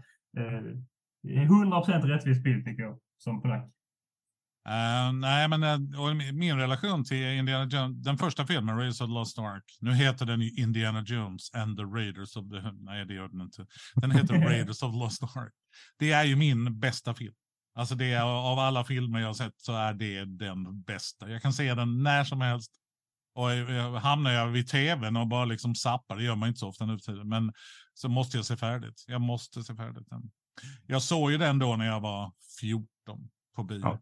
Det kan ju tänka. Jag såg Star Wars när jag var 10 och sen Raiders när jag var 14. Så att de två filmerna förändrade hela mitt liv. Det var ju verkligen eh, som att det där vill man ju hålla på med. Vem fan har gjort denna? Vem har gjort detta? Vem har gjort? Så att vi gick ju om och om. För det, ni vet, på den tiden fanns ju liksom inte Youtube, fanns inget internet, fanns inte spoilers på det. Man såg liksom en trailer. Vad fan är det för trailer? När kommer den filmen? Man köpte kanske någon filmtidning när man var i Köpenhamn sådär, som handlade om special effects eller visual effects. Och då fick man reda på, aha, fan vad coolt, det kommer en film som heter The Thing nästa år. Um, så liksom ni kan tänka er 80-talet från 77 eller 78 där någonstans. Där ligger liksom eh, 20 av mina 50 bästa filmer eh, under tonåren. Man är ju väldigt påverkbar där. Och då var det ju bio som gällde. Det fanns, videon kom ju sen på 80-talet, men det var ju liksom bio. Man gick på bio, så gick man och såg om filmer liksom, säga, 10, det är nog 15 inte- gånger. Liksom. Det handlar inte bara om att, att du var tonåring. Det har ju mycket med det att göra. Men det har nog också att göra med egentligen vad det var för film. Alltså, men jag som inte sett det innan, som ändå är eh, 27 är jag nu. Och jag, jag blir ju förälskad i det nu också. Alltså, jag blir riktigt Nej, förälskad i det. Och jag, och jag är inte så filmintresserad. Men det här kan jag kommer se, kommer se dem varje år. Jag Ja, blir, men det, var ju, det var ju liksom en magisk ehm, kombo. Spielberg hade gjort Hajen, Lucas hade gjort Star Wars, sen gjorde Spielberg 1941, så hans aktier var ju lite lägre. Ehm, men ehm, han har gjort um, Närkontakt av tredje graden, som är också en jävla bra film. Ehm, men sen åkte de ju då till Hawaii för att George Lucas orkar inte vara i Kalifornien när hans filmer har premiär. Och då sa Spielberg, fan jag skulle vilja göra en James Bond-film. Kan de inte ringa mig och be mig göra en James Bond-film? Då säger ju Lucas, du, jag har något ännu bättre. ja. Och så börjar han pitcha, så börjar han pitcha um, George Lucas och Philip Kaufman som gjorde The Right Stuff. De hade kläckt den här idén liksom om förbundsarken och den här Indiana Jones. Och hans hund heter ju Indiana, det får man ju reda på i Last Crusade. Ja. Uh, named after a dog, säger Sanna där i slutet. Och Indiana var ju George Lucas hund som satt i framsätet med honom när han åkte i sin pickup, lite som Hans Solo och Chewbacca, som inspirerade liksom. Han är en stor jävla jättehund eh, på den tiden. Så att då var det liksom George Lucas och sen tog de in Lawrence Kasten, en av världens bästa manusförfattare, som skrev manuset. Men han, det var så himla roligt, Lawrence Kasten, han hade inte gjort jättemycket. Han hade gjort The Big Chill, jättebra film. Och så kallade de in honom på möte och då fick han både Raiders of the Lost Ark och Empire Strikes Back. De två jobben fick han på det mötet. Det är ganska, eh, ganska mäktigt. Aha. Så det var liksom Spielberg, Lucas och så Harrison Ford. Man ville ju ha någon annan. Man ville ju ha Tom Selleck, ni vet, från Magnum. Han Just skulle ju spelat, men eh, Magnum satte stopp för det.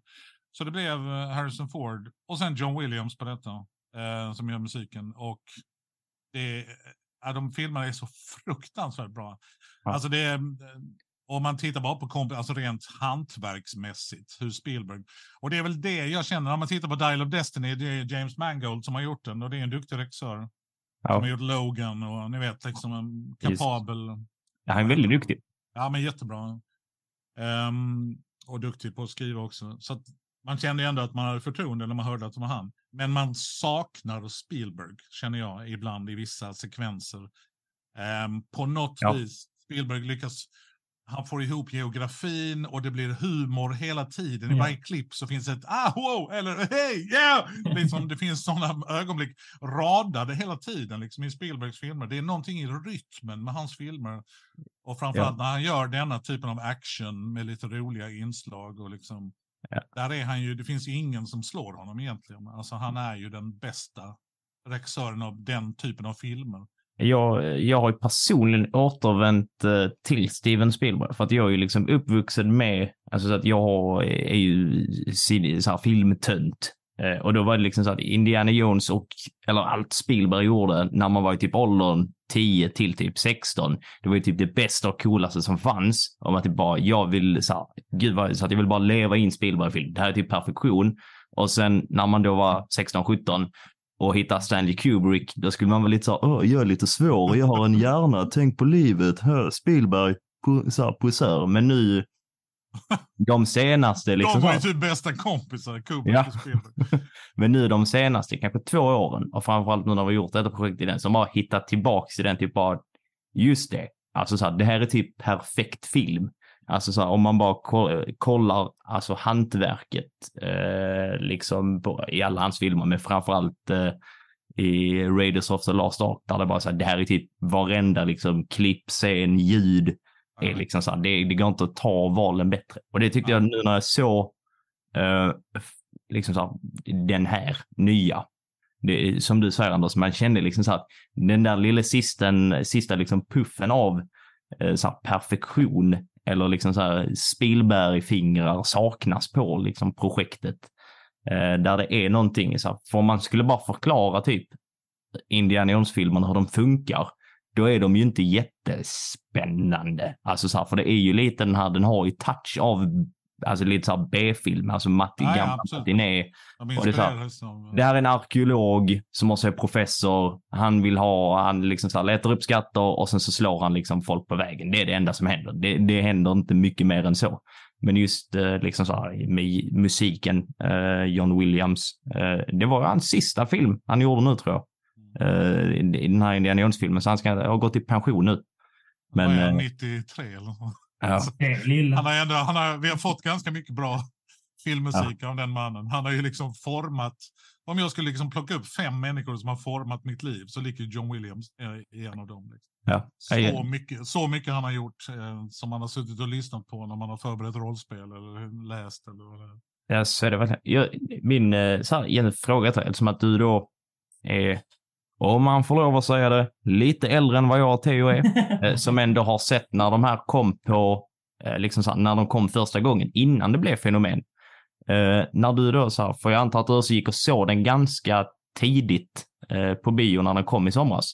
Hur var liksom så här, om du sätter det i lite så perspektiv, hur var det för dig att uppleva vad vi kan anta är sista Indiana Jones-filmen liksom? För det är ändå, ja men 40-årigt intresse kanske, som ändå Ja, påverkar dig. Nej, men det, Det är, en, ehm, det är precis som Star Wars. Alltså när jag ser ehm, Star Wars-grejer på Disney nu, liksom Disney Plus och försöker ändå titta på tv-serierna. Och jag kommer ju så väl ihåg när man Star Wars 1 är ju kanske min största filmupplevelse någonsin. Liksom, eh, tio år och det där skeppet som aldrig tog slut i början. Det var verkligen, vad fan är detta för film? Det var ja. otroligt liksom. Um, och sen växte man upp med Star Wars och så, sådär. Och nu kan man ju känna liksom som Star Wars-fantast att de filmerna tillhör ju vår generation på något sätt. Eftersom de kom då och formade vår barndom. Men prequels, min son föddes ju 2000 liksom. En av mina söner. Och prequel-filmerna tillhör ju honom. Och han och jag vill ju ändå se bra saker i de här filmerna. Jag vill inte kritisera dem för stenhårt. Så här. Det är klart att Jar Jar Binks kanske inte var riktigt lika cool som Chewbacca. Men jag kan också förstå vissa val som Lucas har gjort. Och då när man tittar på Indiana Jones, man måste ju någonstans tänka att Raiders var liksom i en tid, 1981 kom den ut och blev ju en jättesuccé. Liksom. Det var ingen som visste om det. Alltså det var ingen som hade gjort.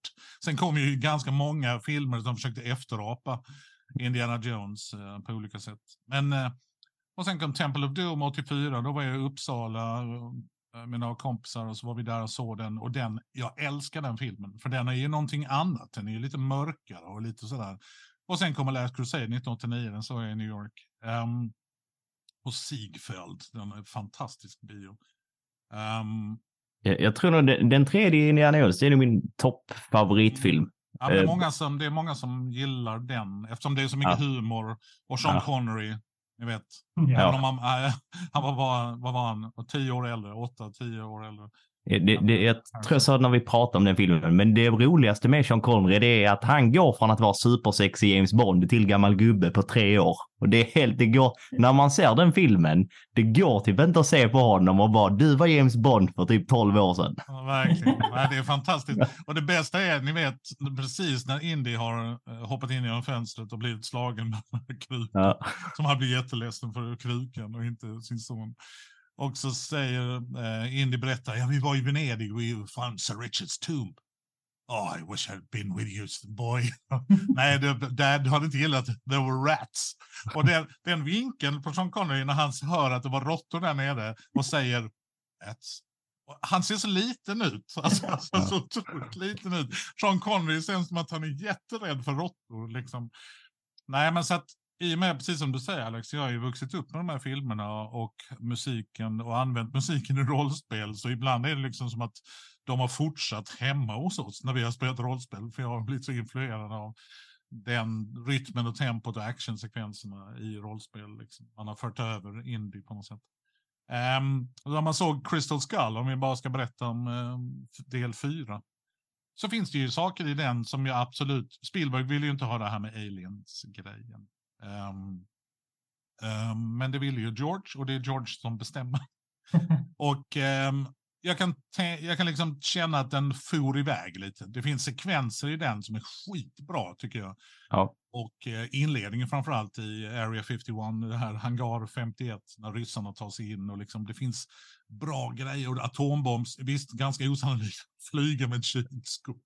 Flyga med ett kylskåp. Men hela den fighten där nere i liksom raketrummet mellan honom och ryssen. Och det är jävligt bra sekvenser. Och så finns det... Vi pratade om det när vi gjorde det här avsnittet om den. Att eh, det finns något väldigt älskvärt med att det inte ens tar typ sju minuter innan han flyger på en raket. Eh, och sen, alltså det finns något man bara, man bara älskar det. Man, man hinner ja, liksom inte bli uttråkad. Man bara så rätt för det så bara, ja just det, ja, det är allt som det ska. Han åker på en raket här, det är inget konstigt. Man älskar det liksom. måste Nej, säga det, det. Det är många bra saker tycker jag, eh, men jag tycker att den far iväg bokstavligt Ja, men det, det, men det finns många coola grejer liksom. Så när, nu när jag skulle se femman, jag visste ju om det är inte Spielberg och de har gjort de-aging på Harrison Ford. Jag skiter i det. Jag var lite känslan som du hade Alex. Jag älskar detta. Jag börjar ju gråta så fort texten. När det kommer Lucas film, då börjar jag ja. gråta för jag har så jävla mycket känslor kring de här filmerna.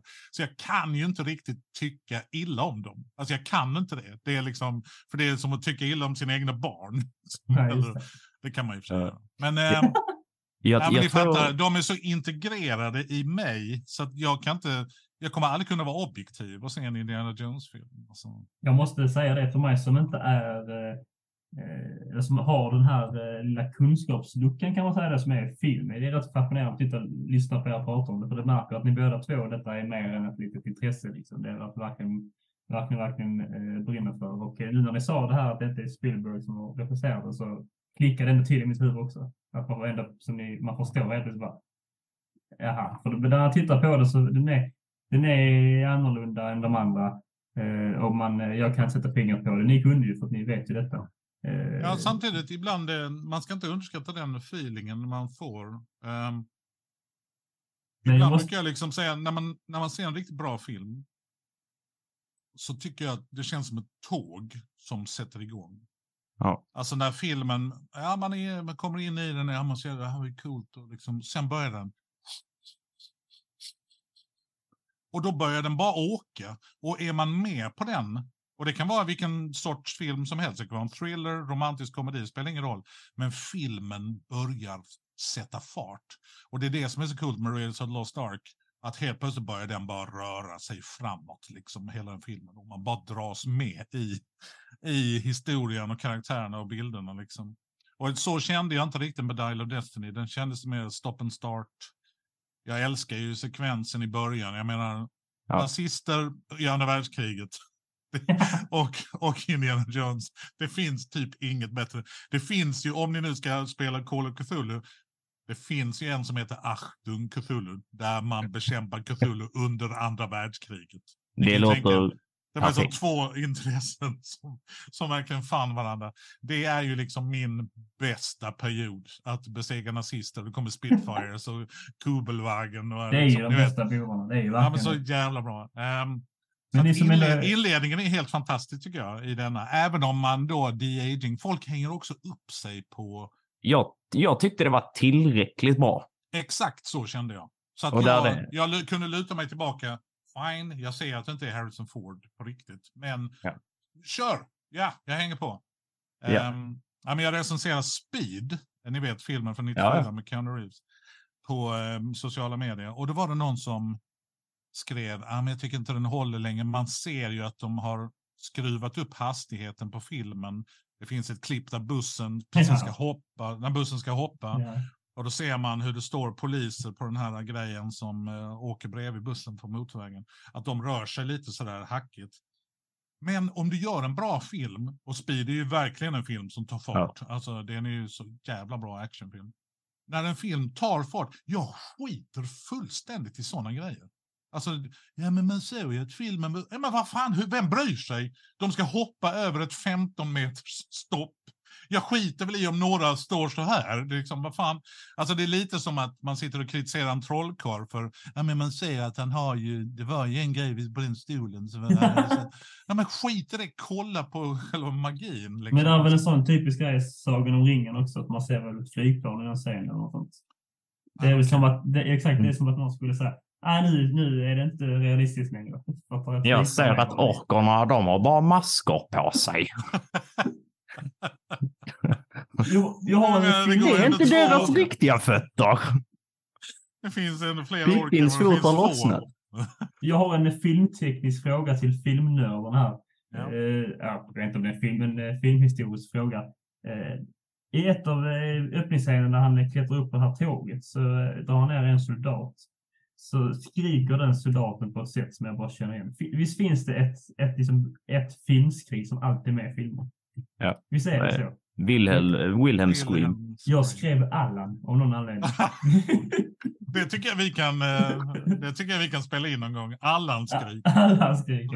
Nej, men Wilhelm Scream. Jag vet inte riktigt var det kommer ifrån. Det kommer väl från eh, en gammal film. Ja, där var någon, eh, vad jag har koll på det, alltså att det är någonting så här från tidigt när liksom så här man börjar och att någon tyckte typ att det var roligt. Mm. Och sen som det var typ att till någon som satt och klippte ljudet till typ lite så här lågbudgetfilmer började typ bara, ah, det kan vara passande att ha ett skrik här, men vi har ju det här skriket sparat som låter kul. Och sen så bland de som sen typ till Eh, som blev väl eh, generationen som tog över till sex, slutet på 60, tidigt 70-tal. Att då blev det ett inside joke för dem typ bara, ah, det är ett skrik som alltid är med de här B-rullarna och så börjar de använda det. Så att nu är det ju liksom så att, eh, men det, det känns som att det har börjat komma tillbaks lite. Eh, för när man ja, kom... det var ju med ganska mycket på 80-talet. Så Ja. det var med mycket på Skywalker. Det finns ju med i Empire Strikes Back. Till Ja. exempel. Och, finns med i ganska många filmer. Men det är, det, är verkligen en sån där nördig ljud. Ja. Människor, vanliga människor känner inte till det. Men det är, allt, sånt, är alltid, sånt är alltid lite kul. För att tala om nördiga grejer och ljud. eh, jag tänkte att vi ska bara avrunda Indiana Jones lite så vi med den andra. Men när jag såg den på bio så gjorde jag så här, ibland så gör man vissa töntiga grejer på ren reaktion och sen efter så vet man inte om man ska skämmas över sig själv eller inte. Eh, Men då när eh, filmen börjar och man är så jättetaggad och sen så kommer typsnittet och det är liksom samma som i Raiders att jag typ Ja. typsnittet. liksom så här, och bara Jag tänkte känner- på det nu när jag såg den innan jag pratade med er. Så jag tänkte exakt på det. Det är så jävla snyggt det där liksom med vitt med lite Ja. svarta kanter. Och så känner man, ja exakt. Och jag, och jag ser liksom så här, jag ser i periferin hur min bror vänder sig och typ bara, Vad sa du? ja men typ så här, bara liksom så här. Men så här, man, man ser pappa från andra sidan och typ bara så här, du är inte kvar i arvet längre. Det skiter jag i. Kolla typsnittet. Men innan vi lämnar eh, Indiana Jones helt så kanske vi kan föra oss lite längre fram i filmen ändå. Eh, komma in på något Ja, rent historiskt finns det ju skitmycket att prata om i Exakt, alla filmer. exakt, exakt. Det Man pratar om Arkimedes och Syrakusa och den här... Det handlar ju om den här... Eh, Antikythera. Exakt. Den här eh, Thera, beroende på hur mycket gammal grekiska man vill. Ja, precis. Det handlar om den här Dial of Destiny. Hon eh, mackapären man har hittat som eh, Arkimedes ska ha gjort. Macapär är säkert ett gammalt grekiskt ord också.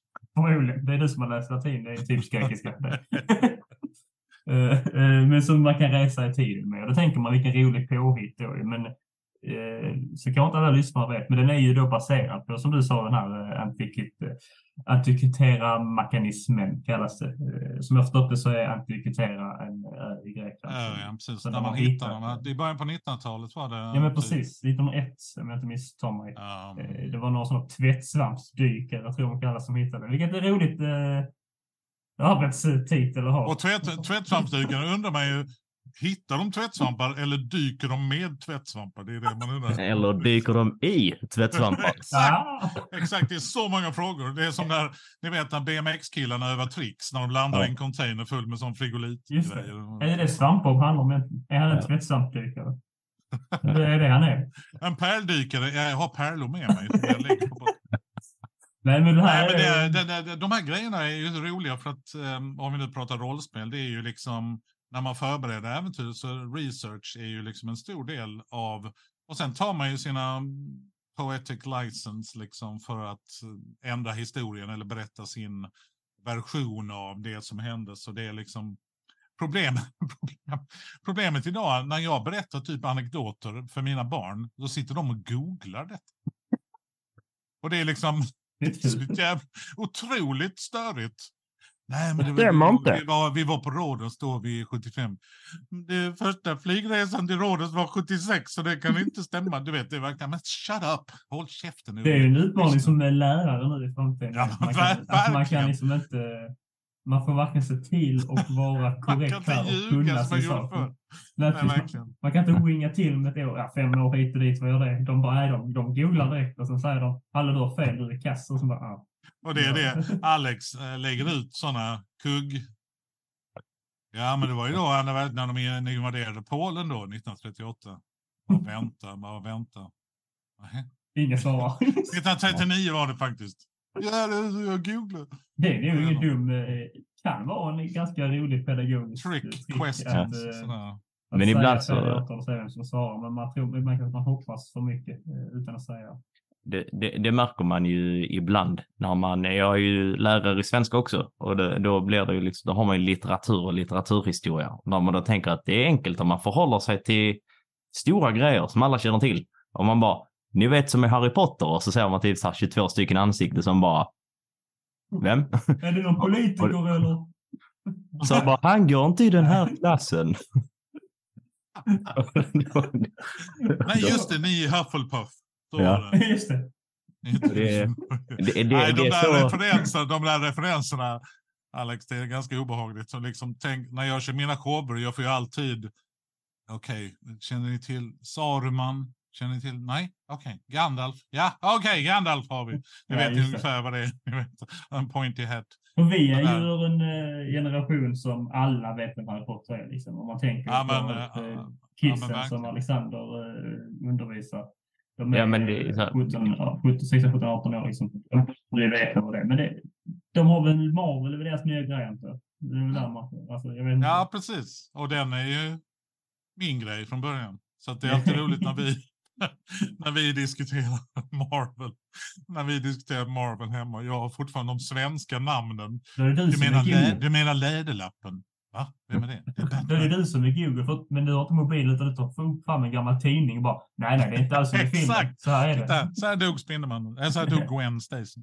Mm. Nej, men um, det är ganska kul med Indiana Jones-filmer, just att de, um, de väljer de här uh, arkeologiska och historiska perspektiven och man lär sig ändå, man får inspiration tycker jag av uh, att sitta och, och googla lite när man kollar på Indiana Jones. Man lär sig man lär sig en del. Liksom. Och den här eh, antikviteter-mekanismen då är ju en, eh, en, riktigt cool grej. Jag hittade liksom århundradets video från BBC om den.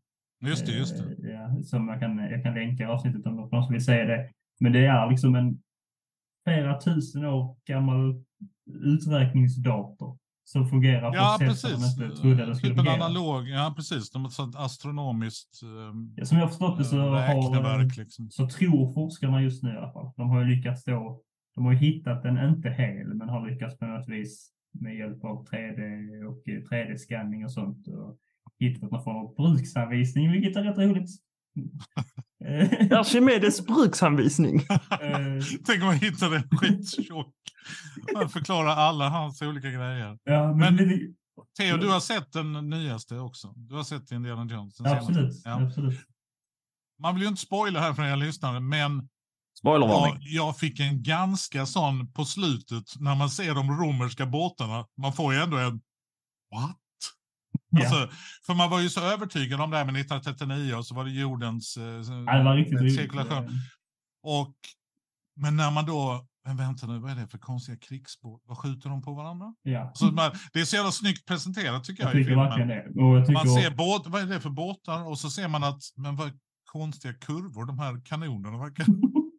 och sen man, den bilden som är, och, och det är ganska häftigt för de klipper ju inte ut ur planet förrän de har fattat var de är. Då klipper Just de ut. Det, då klipper de ut och då ser vi liksom pilarna som skjuter sönder de här, ni vet. Eh, de vi, för jag stora... trodde faktiskt, helt ärligt, i, i några sekunder att vi var 39 när, fort ja, skedde liksom. Jag trodde verkligen det. Sen inser man, det är det nog inte. Eh, så eller så var tyskarna lite väl traditionella. Och det var ett ganska maffigt ögonblick tyckte jag i biosalongen. Det var ändå liksom att publiken, what, är de är de där? Ja.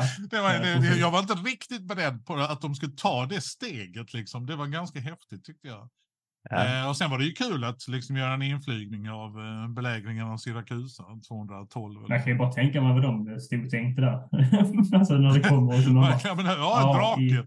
Ja, fan, jävla plåt. Men just med Arkimedes, alla de här maskinerna med klorna som kunde ta ja. skepp att han verkligen gjorde dem. De fanns ju på riktigt liksom, de här grejerna.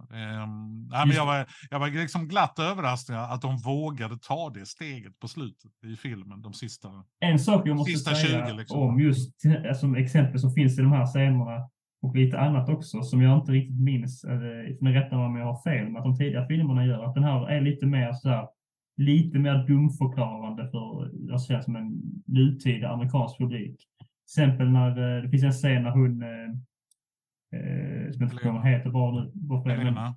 Ja, exakt Helena, tack. Eh, ska köra efter eh, Jones på motorcykel och så ska hon ta en genväg och så måste hon säga högt genväg så att vi ska fatta att det hon gör. Sådana saker. Eller, eh, nu kommer vi spoila filmen. Eh, är det svenska översättningen från Teo? Genväg! vi säger det. Röstskådisen. Eller till exempel när det kommer, utan att säga för mycket, när det kommer en karaktär eh, som man, om man ser filmen fattar vem det är, så måste de ändå säga namnet på den eh, i slutet för att man ska liksom... Eh, och sådana saker vill jag inte minnas att de tidiga filmerna gjorde. De tidiga filmerna den här på något sätt i vissa fall kan jag tycka ser ner på publiken lite och behöver förklara saker som är uppenbart. Alltså när, när hon svänger av vägen ut, ut på liksom en gräsbacke och kör ner där. Vi förstår att det var inte för att skulle gå, vi förstår att det var en genväg, vi behöver inte säga det. Liksom. Eh, jag vet inte vad ni säger om det. Men det kan stämma någonting. Det är, attention span har blivit sämre och sämre ja, men på publiken. Liksom. Um, men sen kan jag också tänka mig att när de gjorde de första filmerna så fanns det någon aura av mystik i Indiana Jones. För jag menar arken, vi vet ju inte riktigt vad fan det är där i.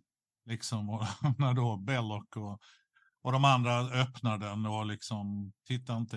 Och, det är så jävla snyggt gjort det där, men det är också väldigt mycket hur ska vi, hur ska vi försöka illustrera Guds kraft på något sätt. Så bara, ja. I Industrial Light and Magic som bara fick leka och busa och hitta på, och Spielberg också. Men där förklarar man ju precis som du säger, man förklarar inte så mycket om vad det är. Och det, det är ganska snyggt. Jag vet inte om ni tänker på den, en av mina favoritscener i Raiders. Det finns ju väldigt många bra scener, men det är den eh, exposition-scenen i eh, när FBI-killarna eh, sitter och frågar um, uh, we are suspicious of Professor Ravenwood being mentioned so clearly in a Nazi. Ni vet, Ravenwood's no Nazi, Marcus Brody. Och när han förklarar, sätter ni staven här så lyser den och så vänder han på tavlan. Då öppnar de ju en bok där man får se en bild på arken liksom med eh, judarna som bär den. Och då frågar de vad är det för någonting? I don't know, power of God or something. Och då kommer ju musiken, musiken ja. ligger där så jävla snyggt under. Och då bara förklarar de den liksom. Och då säger, någon av dem säger ju typ, oh Jesus, yeah, that's just what the Hebrews thought. det är så många snygga grejer där, men där får man ju den känslan av mystik. Och den förstärks ju då i scenen efter när Marcus Brody varnar Indy. Det här är liksom, liknar ju ingenting vi har liksom, som du har jagat tidigare.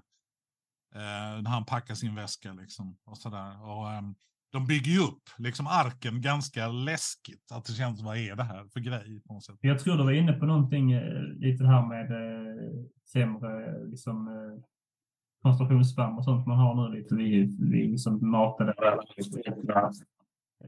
snabb serotonin och sånt. Att publik, alltså filmen är gjord för en ny, ny publik. Och då blir det ja, de flesta, de flesta kommer se den hemma. Exakt, och det säger ju mycket, säger kanske någonting om samtiden mer än det säger om filmen egentligen. Det, det, det ska bara inflika, just i den scenen som du pratar om Anders, där finns en jätte, jättebra YouTube-analys av hela den liksom med just eh, liksom så här, musiken, när, så här, när ska den kicka in och sen så hur Spielberg har flyttat, alltså så här, flyttar runt skådespelarna efter innehållet som sägs. Och då är det liksom så här, den lilla scenen som egentligen är att Indiana Jones pratar med två FBI-agenter om liksom så här, det här är en McGuffin. Så vi, vi, behöver inte veta mer än att den här är ganska farlig och lite mystisk. Woo! Det är det enda liksom så här, egentligen informationen du får. Men att det är ju filmat och liksom så här, allting förflyttas och läggs på så att det blir ju liksom typ ett Shakespeare-drama. Ja, ja, alltså, man, man känner ju liksom så här bara oj. Och, liksom så, och sen även då med Spielbergs fina touch av liksom så här eh, vad man nu säger där så här, oh Jesus. Och den eh, Ja, men lite comedy och liksom manuset att det är de här lite, did you, did you guys ever go to Sunday school? Då liksom, du vet, och de blir lite, skäms ju lite FBI-agenterna när de inser att vi har hittat rätt man som vet allt om detta på något sätt. Ja, ja. Men den är, det är liksom en stilstudie, verkligen den scenen i hur man kan göra exposition ganska intressant och roligt och spännande. Liksom. Ja, för det är ju därför eh, många, många filmer idag känns ju som inne på att man liksom så här, man, man, man litar inte på eh, publiken att de ska hänga med och fatta. Och då blir det liksom så här, okej, okay, vi ska bara få ut informationen och gå vidare till nästa scen. Typ så här, nästa scen är lite roligare att göra. Alltså så här, då händer lite roliga mm. grejer. Så att vi bara, dump, vi bara dumpar detta vi behöver här och sen går vi vidare. Och jag tror det är lite det som det nya också. Dels, jag tror det är därför den är så jävla lång. Eh, den är ju ändå 2.34. Det är ändå väldigt långt för en actionfilm. Alltså för, för mig är det så att gör man en action eller äventyrsfilm, det är så här, en och en halv timme, en, en och 45 kanske. Och, så, och det bör man hinna med.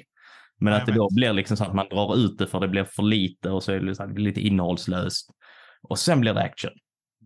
Och sen är vi tillbaka. Medan de tidigare då är lite mer så här, det, även de eh, så här, tråkiga scenerna, om man skulle vilja, där det bara är liksom folk som sitter och pratar. De görs också spännande och Mm. bygger vidare. Eh, Men då krävs det också liksom så att man litar på publiken, att ni fattar liksom så här, ni får lägga ihop pusselbitarna själva. Liksom så här, använd fantasin lite. Eh, Och där, jag menar om vi pratar nu 80-tal. Många människor gick, 1920-tal, då gick ju folk på bio så in i hoppsan. Det var Mm. liksom, jag tror folk, gemene man i USA gick liksom typ två gånger i veckan på bio. Helt sjukt. Nu går ju folk kanske en gång per år, eller två eller fem gånger per år. Mm. Liksom. Men på 80-talet så var det ju, och även då på 70 och liksom tidigare, då var det ju värt att ha en film som var 90 minuter, för då kunde vi visa den tre gånger på kvällen. Just det. Eh, Just nu för tiden så räknar man ju inte in pengarna riktigt i box office, eller man känner ju just att även om Oppenheimer och Barbie och de har gjort sensation, liksom, ehm, så finns det ju någonting att de vill ju inte ha för långa filmer, för att då kan vi inte visa flera gånger. Och det är någonting bra, tror jag, liksom för konstnärer, att ja, men gärna 100 minuter, inte mer. Okej, men då måste vi ta bort det och ta bort det. Och så blir filmen bättre, bara för att den liksom, ja, man får en ram liksom att jobba Det är väldigt roligt att höra. Alltså, ni har, sitter ändå så mycket kunskap om film och sånt och trevligt. Liksom, någon form av kulturhistorisk kunskap. Eh, Jag har en vän som man bara kan säga ett årtal och ett datum andra världskriget. Så kan man hålla 20 minuter föredrag om det. Eh, Jag själv har typ koll på vad Lill-Babs döttrar heter och vad de har varit gifta med. Det är liksom där. Det var det som var fokus i min familj. Banal sån trivia pursuit-grejer. Bara bam, man ska veta vilka kändisar Ja, men då får du den rosa. Då får du den rosa bit.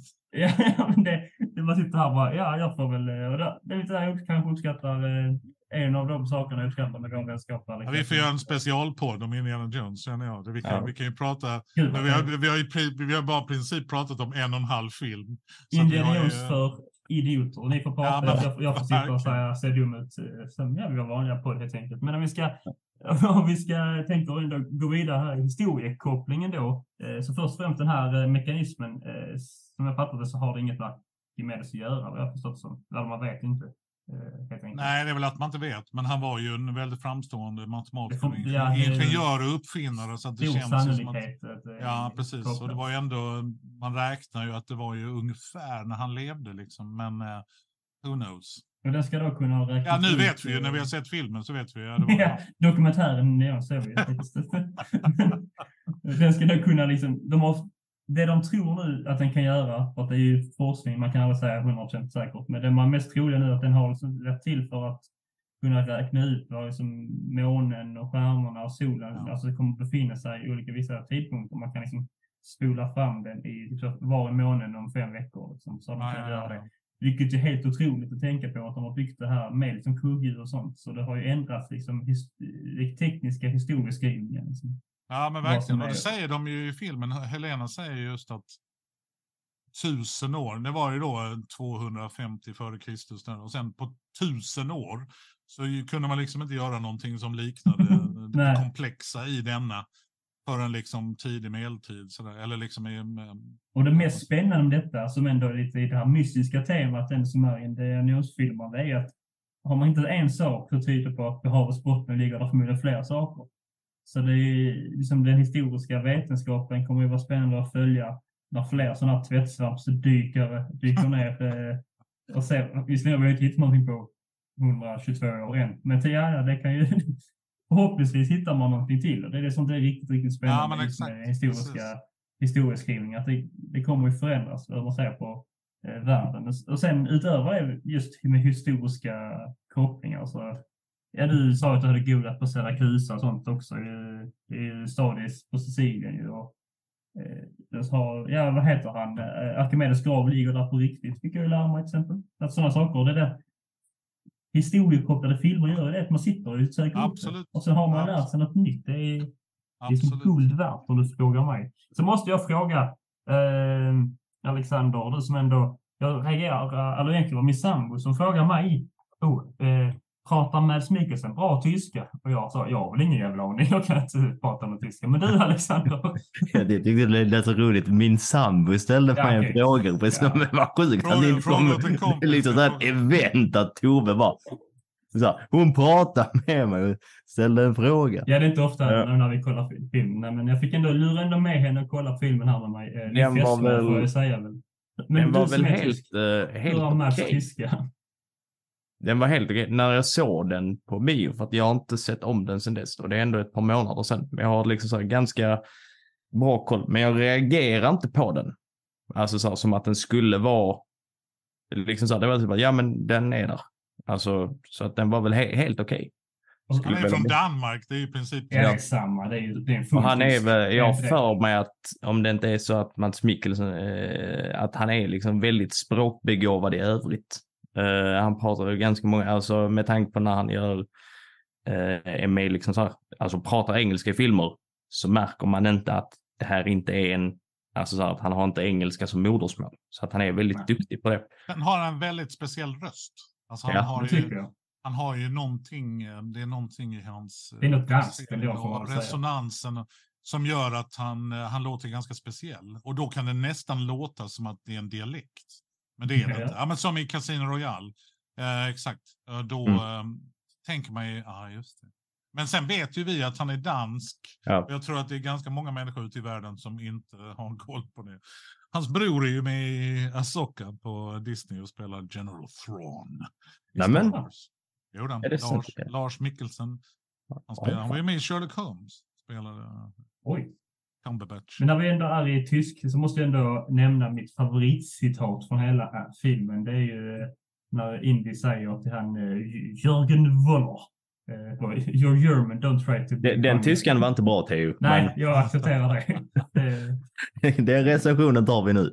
Ja. Kommer du ihåg vad polackerna kallar tyskarna förr i världen? Uh, mästare. De, de mållösa. Ni kunde inte ens prata så kom inte här. Men uh, det var liksom det bästa. Han sa alltså så, du är tyst, försök inte vara rolig. Och det är lite så, det är min drömhäckel på dig Alex. Om vi någon gång bråkar och du kör stand-up, ska jag sätta mig där och så. Och så börjar du prata. Bara, Säg det på polska. Säg det på polska också. Då blir ja, publiken, publiken kommer undra vad fan du är för du är tysk. Du är, du försök inte vara rolig. Han är tysk ättling. Sitter du och påpekar jävligt, helt i onödan. Så, kon, konstigt så realistiskt. Lars von Trier sen när du står där och försöker övertyga publiken. Man är tyskättling. Ser ni inte? Han är, han ser tysk ut. Ja, herregud. Nej, så det är min favorit. Jag kommer förmodligen, förmodligen aldrig häkta dig, men man vet aldrig vad framtiden är. Eh, och det, finns, eh, det, det, fanns en replik, men den kommer då i början när han pratar med eh, det är också en underbar skådis. Vad heter han? Han är med i King Kong också och spelar kaptenen på båten. Alltså Peter Jacksons King Kong. Han som spelar den tyske chefen i början i Paris, eller i Frankrike, i Alperna. Han som säger ja, ja, ja, ja. ja. Thomas ja. någonting uh, heter skådisen. Jag är helt vilse. Jag har uh, ansiktet framför mig. Detta, så kanske jag kan det. Men jag, kan inte, jag kan inte dra namnet just nu, för det står helt still. Ah, ja, men han heter Thomas någonting. Toby uh, Jones? Är han så? Nej, inte Toby, det är inte Toby Jones. Jag menar den tyske chefen. Ja, ja okej. Okay, ja, ja. Han heter ja. Thomas någonting. Men den skådisen, äh, där säger ju Indy äh, en replik som gör att man tänker på Faulty Towers. Då säger tysken någonting. Well, maybe you should have... Well, you started, you invaded Poland. Just liksom, det, det. det, var det, det var ni som började. Och det gör ju också Basil Fawlty när tyskarna är på uh, Fawlty Towers. Just det, ja. Det you started it, you invaded Poland. När de sitter och gråter där vid bordet. Just det. Han och Basil har slått i huvudet och gör sin... Han säger, du kanske inte skulle, han säger att du kanske inte skulle kommit dit och tagit det. Han bara, du kanske inte skulle invadera på den. Alltså bara så. Nej, men precis, precis. Jag, tänker, jag tänker bara på John Cleese när jag, när jag hör den repliken. Liksom. Men, uh, ja. Nej, men vi kanske tyvärr då får lämna Indy för den här gången så får vi väl uh, släppa vår Indian Jones för idioter i senare skede. 800 timmar Indiana Jones. Eh, eh, och gå vidare till kanske eh, en helt annan film får man ändå säga. Va? Kan man skilja det på något annat sätt? Eh, nej. Det är bara raka motsatser. Det är, ja, men det är verkligen en annorlunda film. Um, de åker båt. Det är kanske det ja. liknelse. Det och det är en historisk, det är en historisk film ja. med fiktiv, vad ska man säga, historisk fiktion um, baserad ja. i någon verklighet. Vilken film ska vi prata om? Det är ju nyinspelningen av Utvandrarna som kom eh, när nu släpptes 2021. Eh, gjord av Erik Poppe som jag misstänker är släkt på ett eller annat vis till Nils Poppe. Det, det har jag inte kollat upp, men det känns rimligt. Vi killgissar det va? Vi, vi killgissar det. Ja, alltså, för fan. Absolut. Ja, men det som het, dyker någon upp och heter Ingrosso, man bara förmodligen mm. eh, riktat åt det hållet. Eh, men det är ju då en nyinspelning då av egentligen alla tre böckerna i liksom Utvandrarna-serien av eh, Vilhelm Moberg och är liksom en nytolkning på då Jan Troells film från eh, tidigt 70-tal eh, som då kom för ett par år sedan. Eh, jag, så att jag har bara sett första delen av liksom så gamla Utvandrarna. Jag har inte sett de andra två. Men jag tyckte ändå att den här var som, som, du sa Anders, den här tyckte jag verkligen hade lite den här tågfunktionen. Att de första 25 minuterna så mm. kände jag lite, det här kommer bli en jobbig tittning. Men sen ju mer filmen gick, desto mer liksom så här investerad blev jag. Och till slut var jag liksom helt, helt hooked eh, i den här berättelsen när familjen eh, Nilsson ska flytta från eh, Ja. Roshultemåla eller vad fan det är de bor. Det var där Willem Moberg, det var där Willem Moberg bodde. Ja, jag, jag tror de är någonstans i...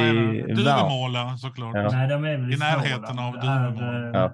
Det enda jag Värmland. vet om att det är i, i Småland och det är i, uh, utspelar sig i någon form av Kronobergsområdet. Där. Just det, just det. Detta vet jag för jag har fått höra lite research om att uh, de är därifrån Kronoberg och att på den här tiden då uh, uh, förr i världen så var det meningen att lands, hövdingarna då skulle, behöva någon gång om året skriva någon form av liksom så, så här ser det ut eh, i, i mitt län liksom. Upp till kungen och regeringen. Och det finns ju en skrivelse då från landshövding Kronoberg upp på 1800-talet där det står att eh, här, är, eh, här, här är det ekonomiskt utsatt. Eh, och det är det för att eh, de kan inte odla så det vet vi, det är rent geografisk anledning. Men anledningen som skrevs var här är det ekonomiskt utsatt för att befolkningen de är ekonomiskt efterblivna. Mm -hmm. Så det var liksom den synen det var. Det var inte bara... Eh, vi vet ju idag att det har att göra med svälten, har att göra med den dåliga jorden. Eh, men enligt då, det var inte den förklaring man hade, utan det var de kunde helt enkelt inte hålla i pengar. Jag antar att de tänkte. Vilket gör att man kanske inte hade fick inte hjälp av kronan, säga, vilket kan ju resultera i att man då bestämmer sig, som Karl Oskar gör i filmen tidigt, att Ja, innan våra barn eh, svälter ihjäl så kanske vi ska göra ett försök och eh, flytta västerut. Go west. Life is peaceful there, eller låt det nu gå. Eh, har inte med det att göra. Exakt. Um, ja, men de här böckerna, jag kommer ihåg, vi, man fick ju läsa dem i gymnasiet uh, på svenskan. Och jag kommer mm. ihåg, jag skulle skriva en recension, eller liksom en sammanfattning av uh, Utvandrarna. Och då fanns det en bok på biblioteket med färdiga synopsis på kända böcker. Så jag tog den och gjorde om den lite och lämnade in detta till ah. min svensklärare. Siv, som hon heter. Och, eh, den tidens Siv, jag, jag, älskar, ja, precis. Jag älskar ju eh, svenska och historia och litteratur. Och liksom, så att jag, var, jag låg ganska bra till hos Siv eh, oavsett. Men när jag lämnade in denna så fick jag typ fyra av fem i betyg med kommentaren Anders, jag har den boken hemma. så då var verkligen, okej, okay, tack för varningen. Jag kommer aldrig, jag kommer aldrig mer använda den. Tack så mycket. Och det var ändå ganska coolt. Siv, hon var ju kanske 65 och liksom, såg, så, hon såg ut som en karaktär ur uh, Utvandrarna. Men det var ganska, det var ganska schysst ändå. Jag vet inte om det är elakt eller snällt att säga. Jag nej, men det, nej, men hon hade det lite gumma. Hon ser ut som en gumma liksom på något sätt. lite som eh, Kristinas eh, mamma där. I, eh... Hon ser ut som Mrs Doubtfire fast... Konstigt. Jag, jag skulle säga allting, var liksom, allting var lite för stort på något sätt. Rumpa och bröst och allting var lite, så sådär gumma på något sätt trevligt som en, eh, ja, men som en rysk babusjka. Ja, det blir... Den känslan. Ja, det så, det, så att mitt minne av Utvandrarna är ju en bok som man plågade sig igenom för att man var tvungen att läsa denna i svenskan. Och den är ju ganska tung. Boken är ju ganska tung och Vilhelm Moberg växte ju upp. Ehm, eller liksom hade ju, jag vet inte när han föddes, men det var väl i slutet på 1800-talet. Men han, ja. han växte upp liksom mycket i vibbarna från emigrationen. Liksom. Fatta hur mycket folk som begav sig. Ja, det är alltså, vad var det jag läste? Det var ju typ en hälften av Irland. alltså som bara emigrerade. Hela, och I Sverige var det typ en femte. Alltså ganska mycket folk ja. som bestämde sig för, alltså över miljonen var det väl från Sverige. Som bestämde ju... sig för liksom att åka över och söka lyckan i Amerikat. Sådär. Um. Och jag blir alltid så, jag blir alltid så rörd av denna typen av epos, när det är fattiga människor som försöker hitta en väg ut på något sätt. Jag känner mig också, men jag kände lite som Alex, just vad gäller filmen. Jag kommer ihåg när Jan Troells filmer gick på tv. Alltså ja. när jag var liten, då är liksom, slutet på 70-talet var jag liksom 10, 11, 12 där någonstans. Men då gick de ju ibland sådär på SVT att man visar, nu kommer Jan Troells klassiker från 1973. Mm. Eh, att man var ganska gripen av dem, men Jan Troell är ju också ganska speciell. Han är ju enormt långsamma filmer, alltså, och mycket bilder och sådär, och ganska ibland vissa surrealistiska bitar, som inte de hann med i denna filmen. Det finns ju en scen där, det enda jag reagerar på, det var ju att Erik Karl Oskars bror, som heter Robert. Ja, det gör han nog, ja. Han är ju inte med i denna filmen. Det, I de i boken, tror jag, men i alla fall i filmerna, så dränker han typ kattungar i en scen. Ja. Ja. Den scenen kommer jag aldrig glömma. Jag kommer aldrig glömma den jävla scenen. För att det, ja, det var så otroligt obehagligt. Och den, han spelades ju av Eddie Axberg som var ganska, som egentligen var typ ljud, alltså han höll på med ljud också på film. Han var skådis ja. också. Och så var det Pierre Lindstedt med. Och... Men sen får vi tänka på att det är Liv Ullman och Max von Sydow som spelar mm. i originalet. Och det, där kände jag att de når ju inte upp dit. Till dem. Nej, jag reagerar på hon... Äh, Lisa, Lisa Karlhed som spelar äh, Kristina. Ja. Uh, hon som är glädjeflickan där. Ja, ja, gladan ja. Gladan. Att det är liksom så här, om jag inte minns helt fel för mig så är det liksom Monica Zetterlund som spelar henne i... Oh, och det är liksom... Svåra skor Sen när man då tänker så här, okej, okay, men i det OG-version så har vi liksom Max von Sydow, Liv Ullman och Monica Zetterlund. Det är en ganska tung cast de hade i ja. de första filmerna. Ja, men jag håller med. Och men den jag... första, första scenen med Gladan, när ja. hon i Småland när hon går och skäller ut och fiskalen får inte ens upp den och du vet, och mm, han klipper exakt. till henne. Där kände man ju direkt, nej men fan hon är inte bra denna skådisen. Exakt, jag håller med. Jag, håller med. jag vill inte, man vill, man vill liksom inte... Nej, det, nej man vill, man, vill inte man vill inte gå in, men jag tänkte när jag började se på den, liksom så att okay, det här det är, så, det är ny, nygjord klassiker, det kommer förmodligen finns stort, eh, stor fallhöjd som man säger. Ja, ja, eh, och jag blev besviken i början. Eh, men sen åkte jag till slut med det här tåget som ni beskriver. Det var verkligen det, det fångar man verkligen i slutet. Men min första tanke var ju egentligen på en Grotescus-sketch faktiskt. Eh, för att de eh, Grotesco har ju någon, jag tror det är typ säsong två, och sånt, så mellan olika sketcher har de en sån återkommande sketch, så de handlar om att de, de som går på scenskolan och så pratar så, jag pratar så här onaturligt för jag har gått på scenskola. Och det är den känslan man får mycket av skådespelarna. Att, eh, vilket jag vet, jag, du och Alex har diskuterat ofta när det svenska filmer och serier, att det oftast är liksom teaterskådespelare också. Men de behöver inte det här överdrivna artikulera så mycket som de kanske gör i filmen som gör att det blir onaturligt. Eh, Nej, och jag menar de pratar ju rikssvenska. Och ja. eh, som skåning Mm. Men Max, jag töjer inte längre Karl-Oskar. De försöker ju ändå prata småländska i de här filmerna. Jag, jag tycker det hade bidragit mer det, om de det, hade gjort det. kunde jag sakna lite grann. Ja, Vad är det du håller på med? De här ungarna, du vet, man känner för ja. Stureplan. Liksom. Ja, men det här är det, inte fräscht. Sen, Fan vad du är ofräsch Kristina! Ja. Det är blod längs hela benet. Lägg av! Det var liksom Inte nu Kristina, vi ska spela paddel. Jag spelar paddel med indianerna! Lägg av! Du får inte säga indianer. Nej, jag ska vejpa. Jag ska vejpa med indianerna. Ja, men det, jag blev så besviken för att jag såg först, alltså, eller jag sa, gamla utvandrarna i skolan när jag gick sista året på gymnasiet. Och då tänkte jag liksom så här, jag var den enda i min klass tror jag som hade, alltså så här, som var underhållen och engagerad. Eh, och då kommer jag ihåg just den här eh, bron och den här andra liksom så här eh, bonden som jag hjälper till. Att de två, det kommer jag ihåg, för det var en av de... de var ute i öknen. Ja, Kommer du ihåg den scenen? Nej, men det är när de är... Den är helt absurd. Det är som en Terry Gilliam. Det är mycket vidvinkel och mycket konstig trummusik och så. ja. Men det- där, är liksom så här att de är, så, de är en väldigt stor del av filmen. Och sen så bara så här, eh, liksom bara, jaha, undrar när de kommer så kom de inte. Och Nej. mitt favorit, alltså så här, en av mina bästa scener i svensk filmhistoria är när de typ, när de två bråkar med danskarna på båten. Och där den här, för det är någonting så här att det blir fel i att den ena av dem skådespelar lite med den här typ så här, lite så här teaterskolan. Men man ska få in den gamla småländskan och sen är det också inspelat på 70-talet, vilket för min del låter väldigt kul.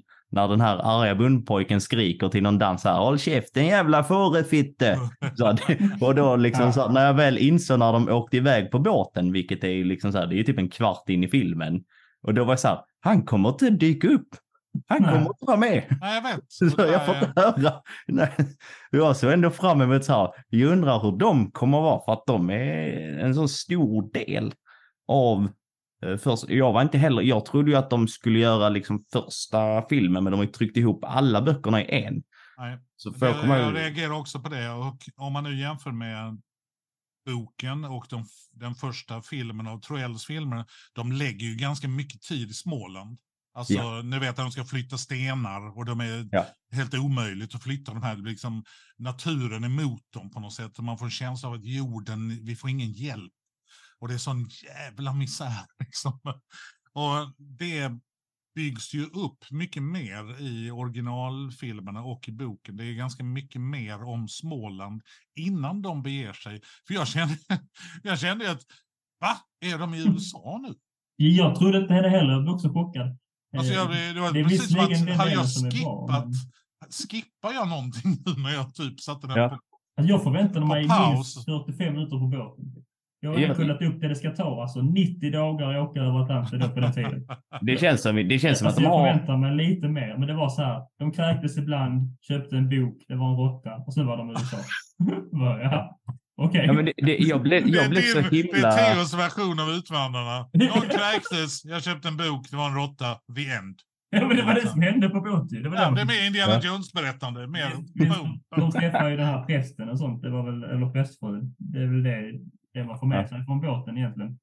Eh, Ja, men jag, så här, för det, det kommer jag så, nu var jag också eh, 17-18 när, när jag såg den äldre. Och då har man inte lika mycket så här, då, då är man ju så här, "Uh, jag har ingen koncentrationsförmåga. Men jag kommer ihåg liksom så här att jag känner själv till så här med när de är på den här båten. För den, den tycker jag den eh, äldre varianten eller originalinspelningen har mycket mer av det, typ så att man känner verkligen hur allting, allting går emot de, den här liksom familjen. Där är inte liksom någonting som blir rätt och man lider med dem för att de försöker så hårt. Och det är där också så här när Kristina då typ så här uttrycker så att hon inte år mer. Då lider man till så här med henne. Man typ bara, jag fattar. För det gör fan inte jag heller. Och då är det Ja, liksom så här, den där, de är på den båten så jävla länge. Och man känner typ så här, och folk dör till höger och vänster. Typ så här, det är bara skitigt, Ja. det är äckligt, folk liksom så här ligger och kräks, folk dör. Och man känner typ bara så här, man får typ lite så här, och det är klaustrofobiskt och det är så här tight. Och man bara så här, ser bara fler och fler liksom så här vidbilder på det bara öppet hav. Så här, det är inte land någonstans i sikte. Och så här så är det så här, fan vilken god resa de har. Det är typ så här, jävelse. Fan, de är redan är- framme. De är redan framme. Men det ser ut som det var kanske så. Ja, men tre dagar av dåligt väder. Annars satt man på däck och så köpte någon bok och skulle sig engelska. Hon, eh, prästfrun kommer och säger att man får bara läsa katekesen. Bara, Ja, okej.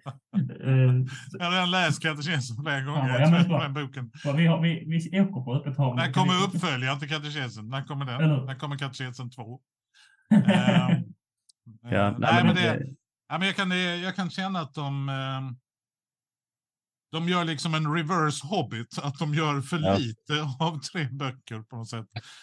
Medan Peter Jackson gör tre filmer av nio timmar av en liten barnbok. Men, ehm, och jag klagar absolut inte på The Hobbit, för jag älskar Peter Jackson. Verkligen. Jag är bara glad att vi fick nio timmar Peter Jackson-film. Jag Ja. klagar absolut inte på de filmerna. Men eh, jag kan känna att de, den blir för trunkerad. Och sen, ja, men jag kan hålla med er att jag var ganska störd i början. Alltså jag tyckte att, nej fan jag köper inte detta.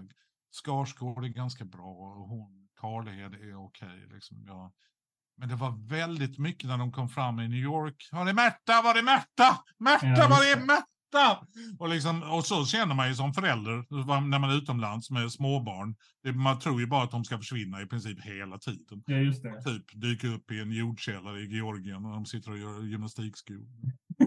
Men eh, man, hinner tänka, man hinner tänka väldigt mycket på 30 sekunder innan man Det upptäcker. måste jag ändå säga det. Min, eh, min eh, vad heter det, familj, de var ute och rest mycket och sånt. Och så har de en sån klassisk historia där de yngsta, de, eh, de ska åka någon sån buss från flygplanet in till liksom, flygplatsen då. Så alla på, alla på och sånt. Och så bara ser de hur bussen hur stängs. Och så står den yngsta utanför och de bara Nej. oh shit. Alltså, de fick ju säga, de fick bara så. Ursäkta, det var min hund där Han har hört den historien så många gånger. så ja, förmodligen. Jag Så de fick på något sätt skrika åt henne att stanna och bara dra upp henne där. Men det måste ju vara, nu skrattar de ju åt Ja, jag vet. Ja, varje men gång, det- man gång hinner- semester. Man hinner tänka ganska mycket. Men jag, jag kunde ändå känna att det blev lite tjatigt med den här att de skulle bära och liksom, ja man kunde inte ha effektiviserat detta lite i Ja. New York. Det hände egentligen ingenting i New York mer än att de fick kontakt med han som skulle ta dem till Taylor Falls. Ja. Ehm, Ja. Wisconsin och Minnesota och alla de här. Det är, väl det, det, det är väl det enda det bidrar egentligen, tycker jag, hans, att han inte kan engelskan. Typ. Att de visar det. Alltså, Nej, och att Ja. hans uttal och sådär. Men jag tyckte att nu när ni är i New York skulle ni liksom inte ha en scen som berättar någonting. Nu var det mer att ni är rädda att tappa bort ungarna och sen kom ni Mm. med tåget. Jag vet inte fan, det gav inte så mycket. Sen måste jag ändå, jag retar mig ganska mycket på regin i den här filmen för att han använde väldigt mycket vidvinkel och steadicam i um, USA, framförallt när Ja. han var ute och sprang med henne i skogen och liksom det var väldigt mycket vidvinkel. eh, Och, och jag, tycker, jag älskar vidvinkel för jag har min, min Leica har typ en 24 mm så jag, jag tycker om vidvinkel som koncept. Men när man gör det på film och överanvänder vidvinkel och steadicam, då känner jag att du är ganska lat som regissör. Om vi nu jämför Mm. med Spielberg, där varenda kamerarörelse är så extrem. Jag vet inte om jag har sett det klippet från filmen Munich, alltså München. När de ska spränga en bomb i en lägenhet hos en person. Då gör kameran en åkning över typ två eller tre backspeglar där de zoomar in så ser man typ en person i den. Sen ser vi Eric Bana i den och så ser vi någon utanför bilen och sen så vänder den om och då är det han i bak. Ni vet där man känner hur en kamera den förhöjer hela scenen, den här rörelsen. Ja. Jag tyckte att det var ganska lat regi i den här Utvandrarna 2021. Jag tyckte att den kändes... Den, den är, den inte. är väldigt eh, eh, så här, vykortsfotad. Eh, det var en sån grej som jag störde mig på. Typ det första jag eh, skrev ner eh, är ju lite så här typ, fan vad, fan vad rena och fräscha alla är. ja, just det. Och då, och då Det är Stureplans, Kristina från Stureplan. det. Det är den. ja men liksom så här, man bara okej, liksom så här, och då är det så här, okej, den här båtresan tar 90 dagar. Och sen så kolla- får jag kolla på, eh, Kristina har ju någon så här ljus kappa.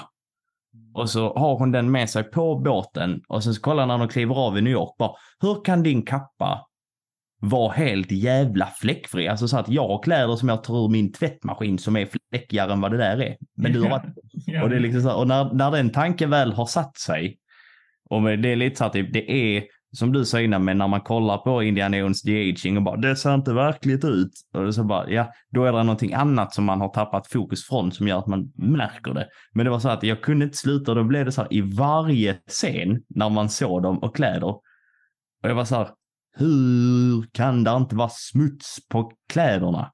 Och det är en sån grej för att man, är så här, det är fult i USA för att första Utvandrarna är, både filmen och böckerna är ju mästerverk. Men där det är så att där känner man verkligen att typ, deras liv är äckligt.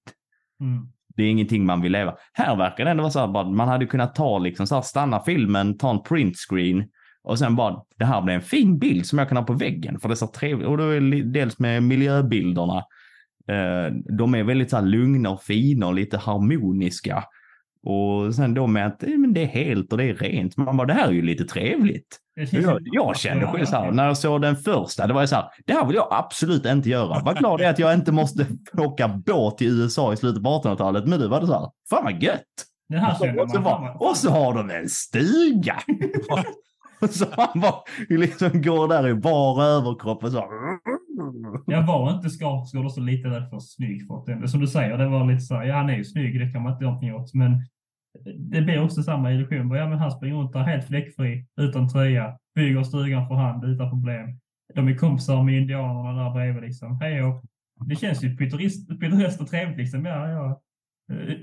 Vi har väl en sjö här. Och sen, så det är som du säger, man vill ju egentligen bli eh, motbjud. Det ska vara lite mer motbjudande. Alltså avskräckt. Exakt, ja. avskräckt. Nej, varför åkte Men ni? jag måste säga det om eh, tågresan. Det enda då den bidrar med är väl just det här eh, Kristina från Duvemålas eh, övergång från att hata den här gladan till att förstå henne. Liksom. Och det, det kan jag säga tycka att filmen gjorde bra. Att den själva mm. dialogen tyckte jag inte om, men den tysta dialogen eh, tyckte jag ja. de ändå eh, skötte ganska snyggt och gjorde bra. Att man, eh, det var det den bidrog, i alla fall det den här resan bidrog med. Man får se, liksom, på något sätt förstå Kristinas eh, tankegångar utan att höra dem, hur de tittar på varandra.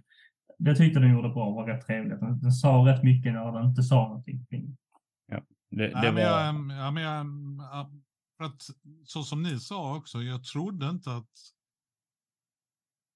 Eftersom jag inte gillar filmen från början. Alltså, jag tycker när man, när man ser en film um, och det är en bra regissör och man känner att det här är bra hantverk. Ja, men ta en David Fincher-film till exempel. Där är man ju om Ellen Kubrick. Där ja. är man ju omhändertagen från ruta ett. Ja. Man känner att ja, jag är med och jag, ni vet vad ni gör. Jag är absolut med. Nu gäller det att jag måste skärpa mig här för att upptäcka allting som ni har tänkt ut och liksom jag måste hänga med. Jag, liksom, jag måste upp på er nivå och jag måste engagera mig. Men i denna filmen känner jag, äh, fan, det här är inte bra gjort. Alltså, när hon gladan kom in och började skrika med en röst som bara kände, mm. håll trut. Ja, men man, man, man, man börjar sympatisera med prästen lite. Ja, verkligen, verkligen. Man skulle byta namn från gladan till truten istället.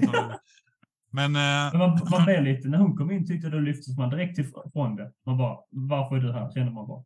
Men ja. på slutet av filmen, då sitter man ju och gråter. Alltså, ja, det gör man. Och det tycker jag den... Eh... jävligt gripen på slutet ja. när hon sitter med sin mamma där. Och då får man tillbaka alltså sin egen familj. Man börjar tänka på sin egen familj. Liksom, tycker ja. jag. Min mamma kom ju som krigsbarn från Finland liksom, uh, under andra världskriget. Och fem år gammal, ni vet, 1940 ja. landade i i Karlstad på perrongen blir vald sist av alla kidsen för att hon är tjej och liten. De tar ju killarna först. Liksom. Mm, mm. Man, man går igenom sin familj på något sätt, även om jag inte vet exakt vad min familj gjorde 1850. Men man kan ändå känna att fan, en miljon svenskar, det är... Och det är någon, jag vet inte, jag tyckte ändå slutet på filmen gav mig en god känsla av filmen totalt. Men mm. jag kommer nog inte se om den. Alltså jag kommer nog eh, för det var för mycket som jag störde ja, men jag, jag håller helt med att den... Eh, men, eh, men det var otroligt gripande tyckte jag. Man sitter ju faktiskt och gråter i slutet. Och så jag gjorde också som du gjorde, ja. gick tillbaka. Min, min mor som är från Polen och eh, hon flyttade hit när hon var tio och min morfar flydde kommunismen, påstår de hit och så. Eh, hon gick ju bort när jag var ung, min mamma. Så det, det är sånt också som man ser det här och, ja, tänk, och tänker liksom att det måste ju varit alltså, och alla som dör i den, när man upplever den är väldigt, väldigt gripande. Och det här jag menar med den tysta dialogen också, att det här tycker de eh, speglar och målar eh, väldigt, väldigt eh, bra. Eh, men det är just någonting jag speciellt tar med mig, eh, vilket jag hade kunnat hålla ett föredrag om jag vet men inte ska göra nu, men det är just de skickar ändå någon budskap här i filmen om att kunskap är frigörelse. För att de får ju den här, eh, de här olika alltså det som händer när så många eh, svenskar flyttar, flyttade till USA var ju att som inte har, hade jättestor eh, religiös församling var att det bildades massa småförsamlingar och det är det på väg och det gör det även här i filmen. Medan eh, Karl Oskar speciellt känner att eh, men jag försöker gå vidare här liksom, och han vill att hans, alla hans barn ska gå i skolan, även, även dottern som jag kan inte få det. Och eh, Kristina är först liksom, lyssnar ju på prästen för att hon är upp, uppväxt luthersk så här gör vi i Sverige. Och Karl Oskar menar men nu är vi inte i Sverige. Eh, och så till slut så får även då eh, Kristina, eh, som träffar en indian och insett att alla är vi olika, börjar bli vän med den här glada och insett att det är inte kanske som jag trott. och dottern då får gå i skolan och lära sig skriva. Och på något sätt så symboliserar det ju väldigt fint, för att när man lever, det kanske, ja men när man är i något religiöst så är man ändå på något sätt inte fri. Utan man är under någon form av hierarkisk, hierarkisk ledning. Gud är då bäst, men är inte fri. Och eh, Karl Oskar eh, tyckte ju om att vara i skogen och vara bestämma sig själv eh, och vara lite friare.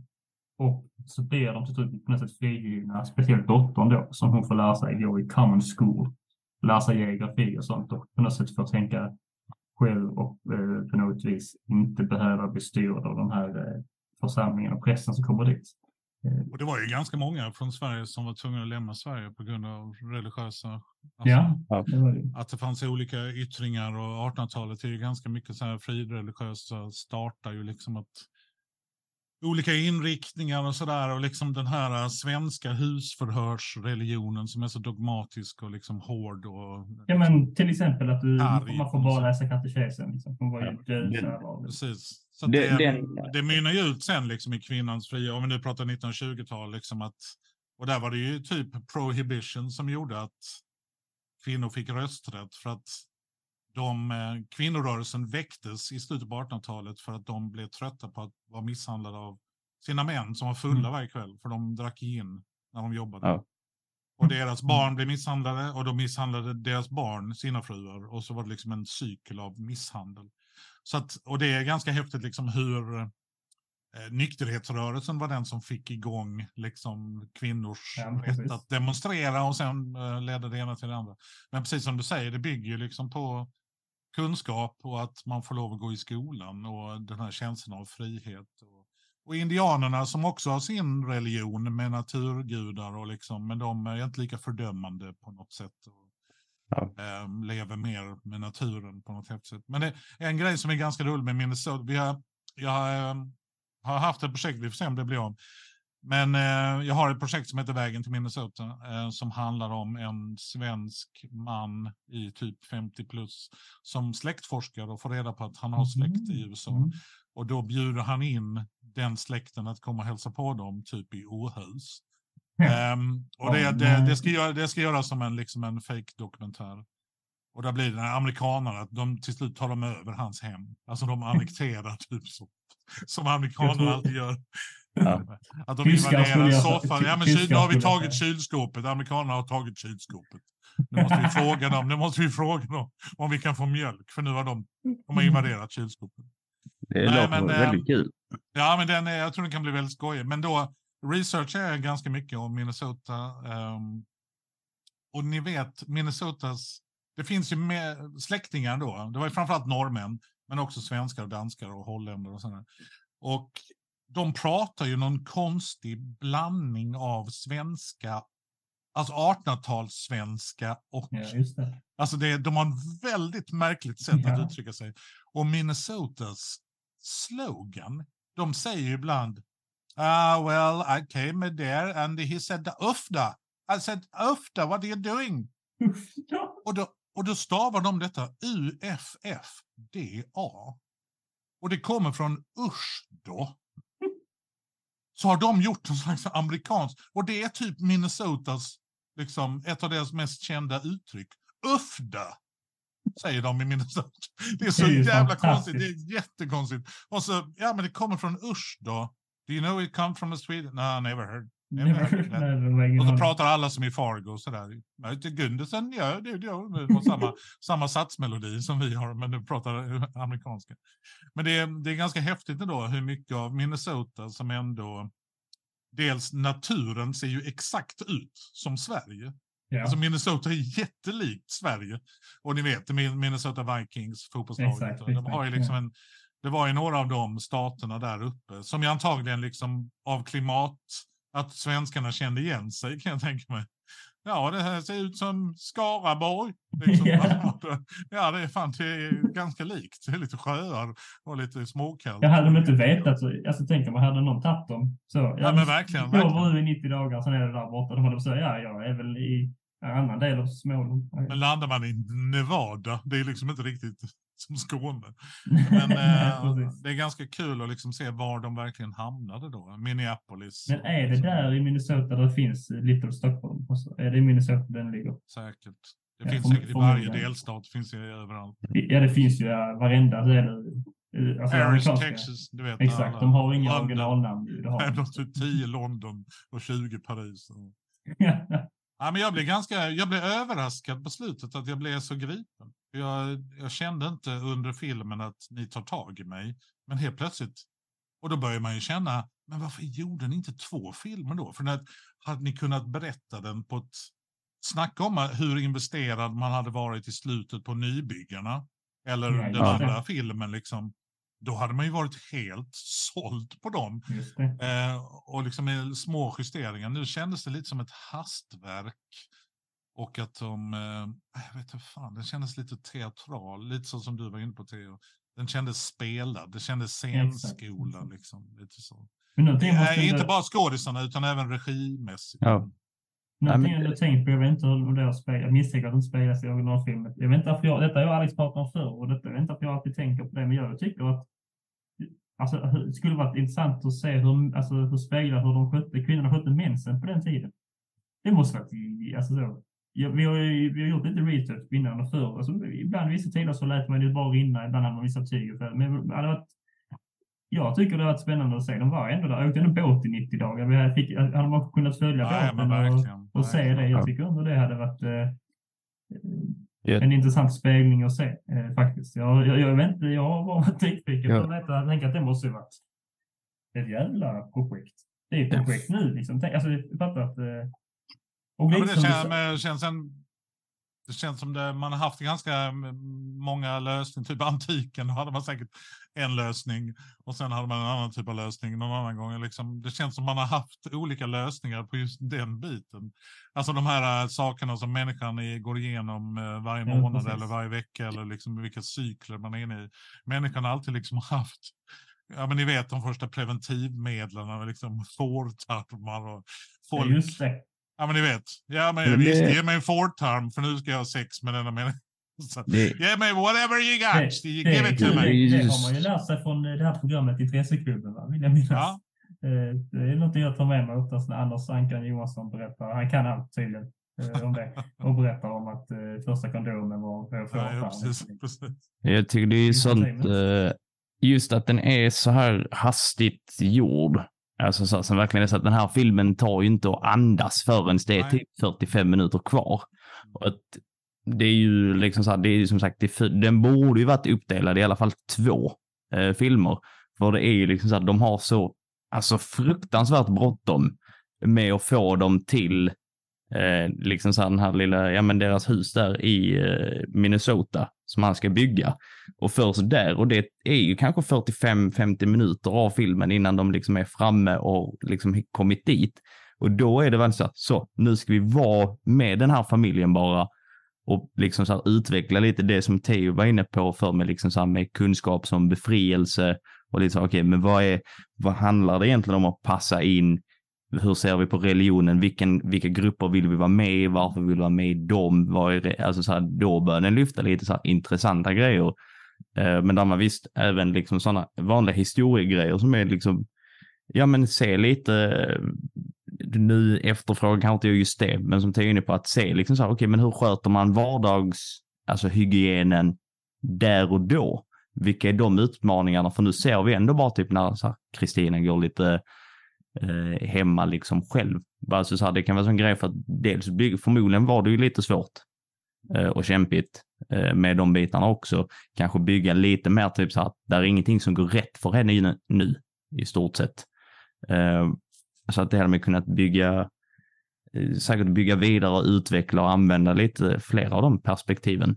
Eh, sen, kan jag, sen kan jag känna också att de använder ju vissa flashbacks när hon svimmar eller när hon får syner sådär, kring barnen och så. Jag skulle vilja ha varit med i de scenerna där de lekte blindbock, fast mm. nu. Alltså att ja. man kunde få vara med, och lite så som du är inne på Alex, just att filmen andas inte riktigt. Så hade de, hade de, börjat, hade de tagit första filmen mycket mer i Småland och mycket mer med religionen och präster och det här skitet och misär och svårigheter. Sen hade de landat i USA och planterat astrakanträdet. Sen kunde man börjat nästa film med att astrakanträdet hade växt upp. Ja, Barnen är några år äldre och utnyttjat luckan mellan filmerna.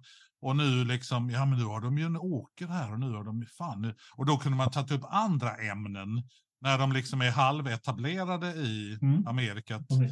Då kunde man ta upp andra saker liksom som det här med Märta och att hon ville gå i skolan. Och, Ja. nu, nu blev det liksom att man hastade igenom och man hann varken det ena eller det andra kände jag. Ja, jag tyckte också det var, det var en grej jag märkte som typ så här, när vissa, när man vill få in så mycket som möjligt, för det känns som att de typ så här, vi presenterar en tanke och kanske lite så här ett utförande på det, men vi tar det i samma scen och sen återkommer ja. vi inte till det. Som att det, jag, det, jag tycker det är så himla märkligt när det man ser lite att Lill-Märta vill, att hon vill lära sig skriva och lite passa in och sen då när de ska åka till skolan och så får hon inte det och att hon då blir så orimligt arg. Men det är så att typ skolan har aldrig riktigt nämnts och hon har liksom så inte uttryckt någonting tidigare riktigt heller. Uh, men sen, ja, sen händer inte så mycket med det. Det var flera sådana ställen ja, jag, håller med, jag håller med att jag tyckte det handlar för mycket om Kristina. Alltså hela filmen. Ja. ja. Eh, hade man haft med Robert och den andra drängen då, han som satte på kor. I, ja. Arvid eller vad han hette. Men, eh, ja, det heter han nog. Men hade man haft med dem och sen också lagt lite tid på barnen. Det hade varit kul att se en scen där Märta träffar en amerikansk unge. Ja. Typ. Mm. Och så fick man, man, de andra kidsen. Han var ju ganska rolig, den lille killen. Han gick, Johan, han gick och improviserade. Ja, det var jätteroligt. Ska vi stanna här nu?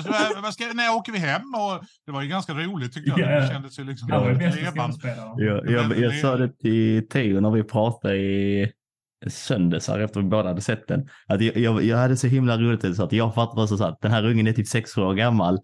Det går inte att regissera. Man kan liksom inte ta om grejer bara för att han förstör. Men där är liksom i början av filmen när de åker häst och vagn på väg och alla ser jättedeppiga ut och så har då Kristina någon så här inre monolog och så ser alla ledsna ut utom ungen som sitter och gör så här roliga grimaser.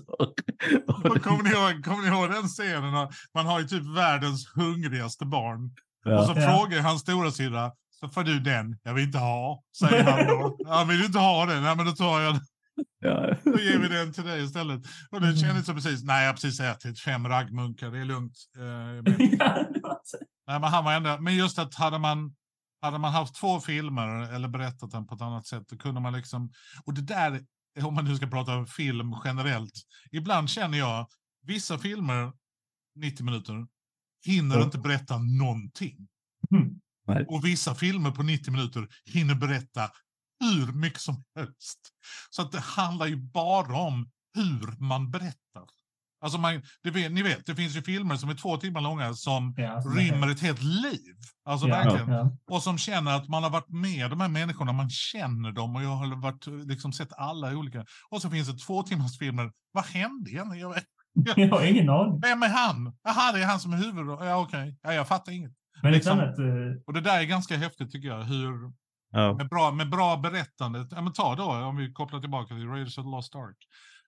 Hela inledningsscenen är bara en actionsekvens, men vi utvecklar ju karaktären Indiana Jones. Ja. Liksom på ett väldigt bra sätt och får action och Belloc. Ja. Um, jag, jag fattar... liksom, de sätter så jävla mycket, it belongs in a museum, hela den grejen. Och sen ja. landar vi och då är han på universitetet. Jaha, coolt, han är professor. Part-time, som man säger. Men ett exempel som Alex sa, det här med att man, att, att man trycker ihop det så mycket, tycker jag var det här med dottern då, den Anna som dör, vilket jag eh, när jag såg det så fick jag ett flashback till att jag har nu sett första filmen, minns inte så mycket. För jag, av någon anledning. Jag var, de har gått på tv, pappa har kollat att jag varit för liten. Meta att du får flashback i en flashback-scen. ja, det är så helt sjukt. En underbar meta. Nu är vi inne på Kubrick-style. Men då minns jag i alla fall att okay, jag har sett det här när hon dör då i den gamla filmen. Jag fick en klump i magen redan av den känslan jag fick, fick då. Men i denna filmen var det mer som att man fick se det, hon dog och de bara, ja då får vi åka till USA då. Det var typ den känslan det var. Jag tyckte det var för hastigt. Det var inte, det blev ju dramatiskt men inte så som det borde vara. Borde nog lagts eh, flera, flera minuter på det. För det kändes som att Jaha, jaha, nu dog hon. Nu får, det finns väl bara USA kvar. Alltså det var lite så intvingat som någon form av eh, relation till att de skulle åka helt enkelt. Ja, eh, nej, men eh, jag är glad att jag har sett den. Eh, och jag såg den ju nu eftersom vi pratade om det innan, att vi tänkte prata om den och den och den. Och då Indiana Jones kommer jag ju se många gånger. Men jag kommer inte se om denna, men jag är ganska glad att jag har sett den. För jag brukar normalt inte se svensk film så mycket. Jag har ganska svårt för det. Men eh, så jag måste tacka er att ni i vår lilla filmklubb. Ja, ändå, nej, men ibland, ibland är det bra att bli knuffad. Kolla denna! ja. Men, jo, men kolla nu den. Jag tror jag berättade för er eh, när vi hördes förra gången. Jag listar ju hundra, min son Ja. Max, Max då, just att kan du inte bara lista hundra filmer vi ska se, för jag fattar inte alla dina catchphrases. Game over man. Det, vilken är det?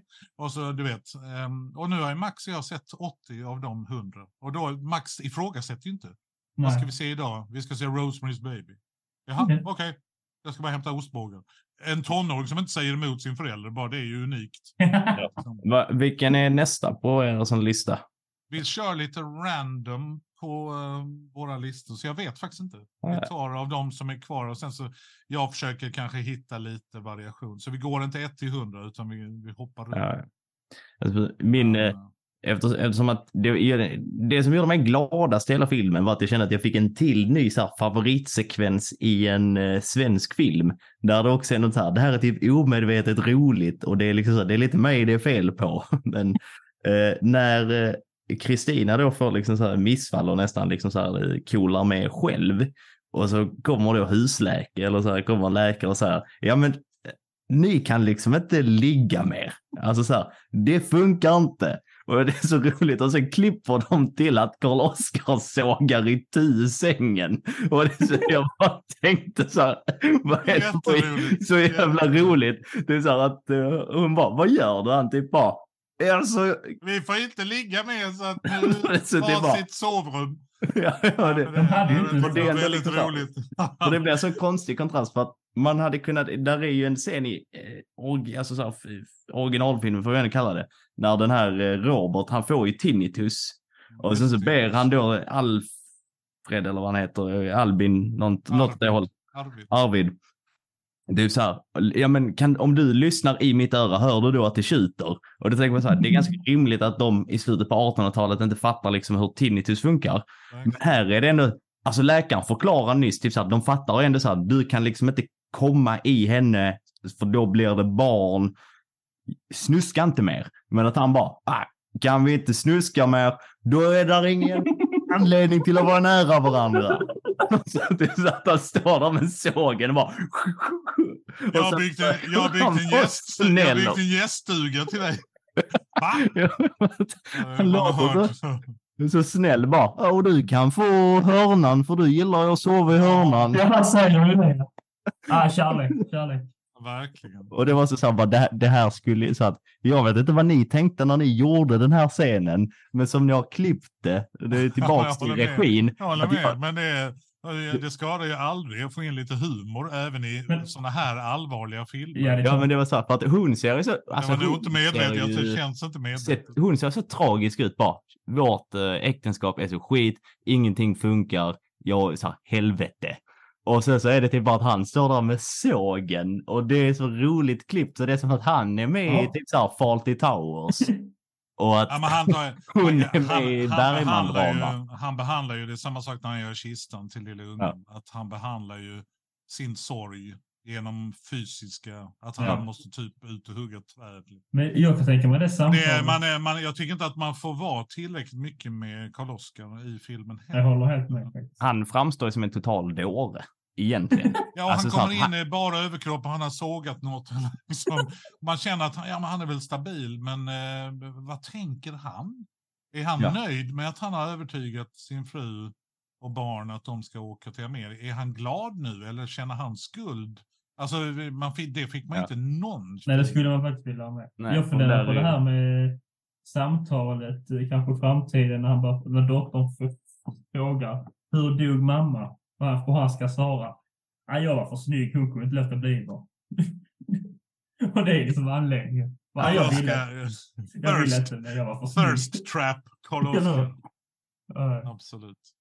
Det, Ja, det är en, en annan så, här, för att kanske börja så här, halvt avrunda där. En, en sak som var bara eh, tanke som slog mig, så här, för att i Sverige, alltså som kulturellt eh, land, så har vi ju ändå så att vi har ju inga franchises på det viset. Jag tänkte också på detta. Och då var jag så här, är ut, så här för att utvandrarna så bara, det är ändå typ en bok som alla har läst på ett eller annat vis.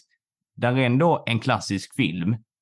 Där är en musikal som all, typ alla har sett. Och nu är där en remake. Så bara, är Utvandrarna vår enda franchise vi har i detta landet? Är, utfall, är Willem Moberg vår Stan Lee? Ja. Ja. Är Ja, men- utvandrarna Marvel? Är det detta, detta är vår Marvel?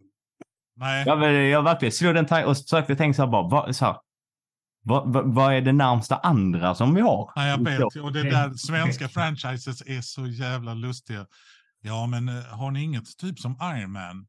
Jo, vi har ju Ture Sventon till exempel. Det är ganska cool faktiskt. Alltså det, det känns, Ja, väldigt, känns väldigt mycket 50 50-60-tal på något sätt, våra är Astrid Lindgren. Astrid Lindgren och Vilhelm Moberg. Ja. Det är väldigt mycket småländsk liksom Ja. misär. Emil i Lönneberga är ju någon typ av comedy-serievariant av Utvandrarna. Jag Ja, inte Emil, mer jag menar, Emil. Emil i Lönneberga är ju kanske det bästa. Alltså filmatiseringen av någon av hennes böcker tycker jag. Ja, alltså, den är så jävla bra. tycker jättemycket om det. Det var Alltså, länge sedan man skrev. En sak är dricka till tack. Det var så, det var så iconic. Så många ögonblick. Jag sen ser gärna till Marianne Lund. Fan, Lindgren, hon, hon ligger ju närmare Spielberg tycker jag. Eller Lawrence Ja. Kasdan. För att hon, är inte- hon är bra på att hitta scener och konstiga situationer och fastna med huvudet i en Är det inte mycket. Tage Danielsson? Där är ju- han är- Jag vet inte om han gör just Emil, men det är väl lite han. Han regisserar, typ Ronny Ja, Rövardotter är ju Ja. Till exempel. Absolut, Det, absolut. det, det, ja, det mesta kulturarv vi har. skådi, och skådisarna, jag menar Allan Edwall, det är vilken jävla Vi får hoppas att de Ja, visar det är ju- de här Astrid Lindgren-grejerna till jul. Det brukar de ju kanske göra. Och det får man passa på att kolla. Det. Är ju den gemensamma nämnaren mellan Emil Lönneberga och Utvandrarna. Det är ju Allan Edwall. Han är ju prästen i eh, gamla Utvandrarna. Det, det saknar jag också för att jag kommer ihåg att han är ett as eh, i, eh, liksom så här, i den filmen. Och är liksom verkligen så här strängt med husförhören. Och det är till så här, det är till så här riktiga så här mörka noirfilmsförhör han sitter och har där han verkligen känner så här, svara fel på en fråga om katekesen och vi kommer liksom så här gå full frontal exorcist på dig. Din lille jäkel. Kommer det här, eh, de, de kallar upp första eh, utkastet. Willem Mobergs första utkast. Jag kommer gå full frontal exorcist på dig din jävel. Nej, jag får ändra Det- detta sen. Men jag har det så nu. Jag har det så nu. Jag, Nej men jag- absolut. Och jag menar, tänker man då på Fanny Alexander med Jan Malmsjö som den jävla prästen. Ja. Så det, det finns ju några, det finns några goa prästroller i Sverige och denna prästen kändes ju ganska, jag- inte- inte, inte en Stureplan tycker jag. Han kändes Nej. mer Lidingö. Han kändes väl mellanchefig? Ja, Gör han inte det? jo. och det är ju präster, det är ju typ av mellanchef. Ja, men, ja, ja, det är sant. En guds mellanchef. Jag säger till storchefen annars. Det var ju typ lite det han, eh, typ så här, när eh, Karl-Oskar sa emot honom. Att han bara, nej, jag är faktiskt utsedd av stora chefen faktiskt. Så jag är emot stora chefen. Det är som man Ja. när man lära sig till rektorn. bara, Men ska vi inte lägga pengarna på detta? Nej, det är kommunen som säger det, det är inte jag. Jag har gått en tre dagars kurs i ledarskap. Det här, eh, säg inte så. Ja. Jag har rätt. Nej, men om vi ska avrunda, kanske ge filmerna något form av betyg ändå när vi ändå recenserat dem. Eh, Vilken Så- skala? eh, 1 till 5 brukar vi köra. Arkimedes 200-skala. eller sånt. Jag känner väldigt mycket 182. Ja. Otroligt nyanserad. Ja, vi brukar köra 1 till 5. Vi tycker det är den bästa av skalorna. Eh, tycker vi. Eh, Eh, men då tycker jag nog att Dial of Destiny är en fyra ja.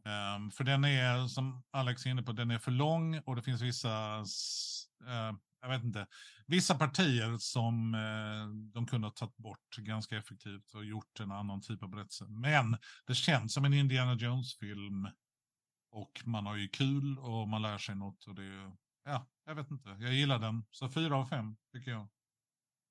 Jag Ja. sätter den också på typ 4 av 5. Jag känner så att det- fan 3 av 5 är lite för snålt. För att när jag såg den så hade jag ändå väldigt kul. Och till så här, när jag tänker, om man tänker lite så här rationellt och nyktert på det och typ så här börja plocka isär delarna så är så här, den är lite för lång. Där är bitar som kan tas bort och hela den biten. Men sen, jag hade kul eh, och jag hoppades bara liksom så att jag vill ha ett eh, trevligt avsked till den här karaktären liksom och känna så att så där vill jag att filmen och serien ska sluta. Jag fick ändå typ det. Det var en ganska kul resa. Det är så att jag kommer inte jag kommer inte kasta mig över och se den när den kommer ut på streamingtjänster eller köpa Blu-ray liksom så direkt när den släpps, utan när det är på lite så här extra pris, eh, då, då, då är vi där. Bra beskrivning. Ja, jag är väl lite inne på samma, eh, har skrivit 3,5 till 4 eh, på det också av den anledningen att det, visst den är lite långsammare de andra Neons-filmerna, men eh, det är bara det här att man, sitter, man hittar saker och sitter och googlar upp saker och lär sig under tiden samtidigt som det är underhållande. Och de har ändå rätt trevliga eh, cameos med gamla karaktärer och sånt. Eh, så när man har sett filmerna, jag har sett dem nyligen också, så blir det liksom extra roligt. Och min, min eh, fästmö som satt bredvid bara, vem är det? Jag bara, vem är det? Sluta nu! Hon har inte sett det. Ställ inte så dumma frågor tänkte jag. Då måste du utbilda, måste utbilda henne också. Ja, jag ska göra det. Men jag menar, när 1981, alla mina kompisar var ju djupt förälskade i Marion Ravenwood. Ja, det... det men hon, det är så, liksom, hon är så jävla liksom, cool och... Ja, men jävlar ja. God damn partner när hon står utanför sin bar i Tibet. Och fy fan vad man gillar henne. Ja, men det gör man. Um, så att, nej. Jag, jag kan ju säga, vi har ju under sommaren när vi gjort våra filmer så, eller filmrecensioner så av Indiana så har vi också sagt liksom placeringen på dem, var de ligger i listan. Så min placering är då 3, film, film 3, 1, 2, 5, 4. Jag sätter fyra sist för det här med aliens-grejen ballar ut totalt i slutet. Jag är då 1, 3, 2, 5, 4. Jag är, jag är nog 3, 1, 5, 2, 4 faktiskt. Oh damn, shit. Ja, men det jag har... Eh, när jag ser Temple of Doom så gillar jag den, men jag, har, jag tycker den är så himla, eller framförallt eh, vad hon heter, Willy där. Jag tycker hon är så skrikig. Okay, och jag tycker liksom så här, så, jag tycker den blir så orimligt mörk. Alltså så här, på ett sätt som jag inte känner liksom så här, det här är inte min indie. fram till egentligen att de kommer in i templet så tycker jag den är skitnice. Men sen när det är typ bara, ah nice, här är typ barnmisshandel och det är liksom så här, okej, okay, Indiana Jones är förvisso förhäxad, men han fucking nitar typ en åttaåring. Och det är inte, och då liksom, och det är inte heller typ så här att... Uh, Mer utvandrarna känns det. Det är inte så att det är någonting som liksom problematiseras. Hon nitar också en åttaåring, vad fan, där har vi två gemensamma. Två men, gemensamma. Eh, men liksom så här, och speciellt de här, jag fattar att de är skurkar, men det är ändå någonting som bara är så himla det är typ orimligt. Eh, typ så att de bara piskar barn och typ så slår dem. Och jag känner typ så att jag har inte kul när jag ser det. alltså, så här, det ska man inte ha heller, för det, man är sjuk i huvudet. Men jag, jag känner jag, så att jag vill ha kul. Jag vill att resan ska vara kul. Jag tycker inte om när folk pratar på bio. Eh, jag har ju till och med suttit i SVT och pratat om detta. Ja, Sara Larsson tyckte jag. Men just sitta och snacka, eh, fuck off, det jag vill inte höra. Nej, det kan man inte göra. Om dina pojkvänner, liksom, när jag tittar på Seven, snälla gå ut. Um, men jag kunde ju, när vi såg Temple of Doom i Uppsala på den svenska premiären, så är det ju en scen när de här eh, slavbarnen kommer ut ur templet. Ja. Och, och typ reagerar för solen, starkt ljus. Ja. då, då kunde jag inte låta bli då sa jag nämligen på bion Sommarlov! och det fick, det fick, faktiskt ett jävligt stort skratt, för det var lite den feelingen när barnen kommer ut ur lektionssalen. På något sätt. Ibland, ibland, är, ibland tycker jag, men om man nu väl ska säga någonting, säg någonting som funkar då. Ja. Så, jag så tänker på när, när eh, George Costanza är på bio och ska testa sitt skämt. Jag får den bilden i huvudet, gått och sett den en gång innan och sen bara, jag vet vad jag ska säga. Så, hallå. Nej, att bli, att bli jämförd med George är aldrig bra. Fy fan. Du, du ska berätta att Alex jämför med George varje dag. Ja. Eh, så, ja. ja men... Det finns så många avsnitt man kan välja mellan. Ja, det är han, som, han kan skicka det är som klipp. Simpsons. Liksom. Han skickar klipp en gång i veckan. Du är George, säger han bara. Detta är du. Så är det George som är världens gnälligaste, otrevligaste människa. Bara, Detta är du, Fredrik. Och så min flickvän bara, ja det är rätt likt. Så bara, Tack. Tack. Anders, vad har du för betyg till Utvandrarna på samma skala? Eh, två hade det varit. Men tre får den faktiskt för uh, slutet, eller sista 20. Liksom. Jag tycker den höjer sig där. Men två och en halv nästan, om vi nu börjar med halvor. Theo öppnade upp den dörren att vi kunde använda ja. halvor också. Det gjorde jag faktiskt. Men två och en halv, om jag ska vara snäll så kan den få en tre av fem. Jag, jag har exakt samma anledning. Jag ligger nog, nej, två. Två. För nej. Det, nej, jag kommer, inte, jag kommer inte säga se den, utan eh, två av fem. Jag hade samma anledning som du där, att den här, eh, alltså två och tvåa, men jag tycker slutet, eh, det gripande slutet och kunskaps eh, liksom, hyllandet där gör det till en trea i min bok.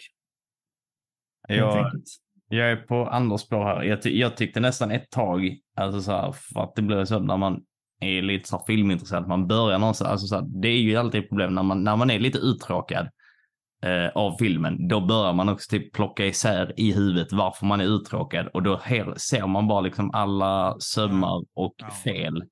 Och det var typ så att jag hade liksom inte en bra upplevelse med den här filmen förrän typ eh, sista liksom 30 minuterna. Och då är det så bara, den här filmen är två och en halv timme. Och det är liksom så här, om en film inte lyckas på två timmar att det är så här, fånga, ja då är det så att jag var, jag var nere ett tag och hade, hade det inte varit för slutet hade jag varit på liksom en etta. Ja men det är samma här. Och sen blev det liksom så här, okej, okay, jag, så här, jag fattar, för det var någonting med när hon blir så arg på det här eh, rådjuret som ska äta äpplena från trädet. Just det. Och liksom så här, de bara snackar, liksom så här, typ att hon verkligen säger det uttryckligen till så här, men man kan inte, man kan inte bara dra upp rötterna och sätta någon annanstans. Jag bara, aha, och då kopplar jag liksom så bara, så berättelsen ni vill berätta här är liksom så här mer om att familjeanpassningen, har varit väldigt dåliga på att liksom porträttera det och sen efter tyckte jag liksom så här, att de blev lite tydligare och då gick den ändå upp till en tvåa eh, för mig. Men det är liksom fortfarande så här, i, i, min bok så är ju en tvåa egentligen ett underkänt resultat. Och det kan ja, ändå, det med tanke på statusen som ändå boken och den andra liksom så här, eh, föregångsfilmtrilogin har i svensk kultur och med musikalen eh, så kände jag bara så här, det här, det här känns nästan lite ovärdigt mellanåt. Eh, så att jag, blev, jag blev faktiskt väldigt besviken. Jag ville tycka om den väldigt mycket. Men eh, ja, den får en två av femma. En två av en femma, en två av fem. Eh, vad härligt. Då, ja, ni, vi är mesta överens och innan vi, vi har ändå pratat här i två och en halv timme, vilket är väldigt trevligt. Det blir lite sånt fint höstmys för våra lyssnare. Sitta när mörkret faller sig in sitta och höra oss tre gubbar prata om eh, bra och dåliga filmer. Men jag måste nämna en sak som jag glömt säga, Anders. Eh, nu när jag fyllde år häromveckan så var jag på second hand-butik i Lund så hittade jag då DVD av Isaks julkalender då, eh, julevangelium. Julevangelium. Om ja, och det är ju min julkalender, min personliga ja, julkalender. Och det, är min, ganska eh, många, det är ganska många som har den som jultradition faktiskt. Ja, den är väldigt, väldigt mysig. Men min, eh, min kära sambo och fästmö förstår inte riktigt. Varför ska du ha den, sa hon. Jag bara, jag bara, det finns ingen fråga. Det kostar 15 spänn. Det var lite snålt kanske, men det kostar det. Och så jag, ja, jag ska ha den och så ställde jag upp den på mitt vitrinskåp här bakom. Kom hon hem och sa, vad i helvete gör du? sa hon. Ta ner den direkt. Där ska det inte stå. Det är inte snyggt. Jag bara, äh. Itzaks huvud i. Ja men det är precis. Hon når inte upp dit så jag lät den vara liksom. Så det, så det började bli så lite, ja. lite tjafs. Och så till slut så fick jag då ta ner den. Så men nu, eh, hon, eh, hon sa, ja du måste ta ner den. Så tog jag ner den och ställde den vid tv-bänken istället. Så det precis syntes lite där. Hon bara, vad gör du? Så flyttar inte du den så gifter vi inte oss, sa hon. jag bara, jaha. Eh, så gick hon och flyttade, men nu har jag ju då bestämt mig för att eh, det ska ha liksom en ny julkalender. Var, varje dag nu i december så ska jag varje morgon sätta den i olika skåp och sånt så de går och öppnar och ska ta kaffet. Så bara så, oh, 20, oh, nu är det lucka 24 så kan få ett paket så är det den i sig. Känner, känner jag din blivande fru rätt till så kommer du göra det en gång, sen kommer hon slänga den. Jag är rädd för det. Jag är rädd för det. En av mina favoritgrejer äh, äh, i Itzhaks jul Dels titellåten som Magnus Börjesson som skrev titelmelodin till Hipp Hipp. Väldigt duktig eh, musiker. Basist i Roxette är Magnus som jag gick i högstadiet med. Um, men eh, det finns en eh, där Tiffany krockar med sin bil eller hon åker av vägen och får eh, ingen kontakt med sin mobiltelefon. Ja. Och då säger, då säger Itzak på voiceovern dålig täckning. Som Edvard Munchs farfar brukar säga. Och bara den idén att Edvard Munch har gått och visat teckningar till sin farfar som tycker att de är dåliga är fruktansvärt roligt. Det, det är ett sånt där skämt som kanske tio människor i Sverige uppskattar. Mitt, men eh, vi, vi skrattade gott i alla fall. Mitt eh, favoritskämt är faktiskt i slutet när eh, Morgan Paulsson helt plötsligt ger upp då. Eh, och Itzhak säger, "Vad- är det som händer? Nu tycker jag att jag tänker inte försöka göra Itzhak men vad är det som händer? Eh, hoppet är det sista som lämnar kroppen. Ja, om man inte är tjock och ful, då är det oskulden. Fy fan vad taskigt. Fan Ja, taskigt. det var, men det var jätteroligt. Också roligt. Ja. Ja, så det är mina... Så att, eh, kanske vi kan göra en annan gång, kan vi recensera de historiska kopplingarna i Itzhaks julevangelium. Itzhak är den roligaste. Han är så nära science fiction vi kommer.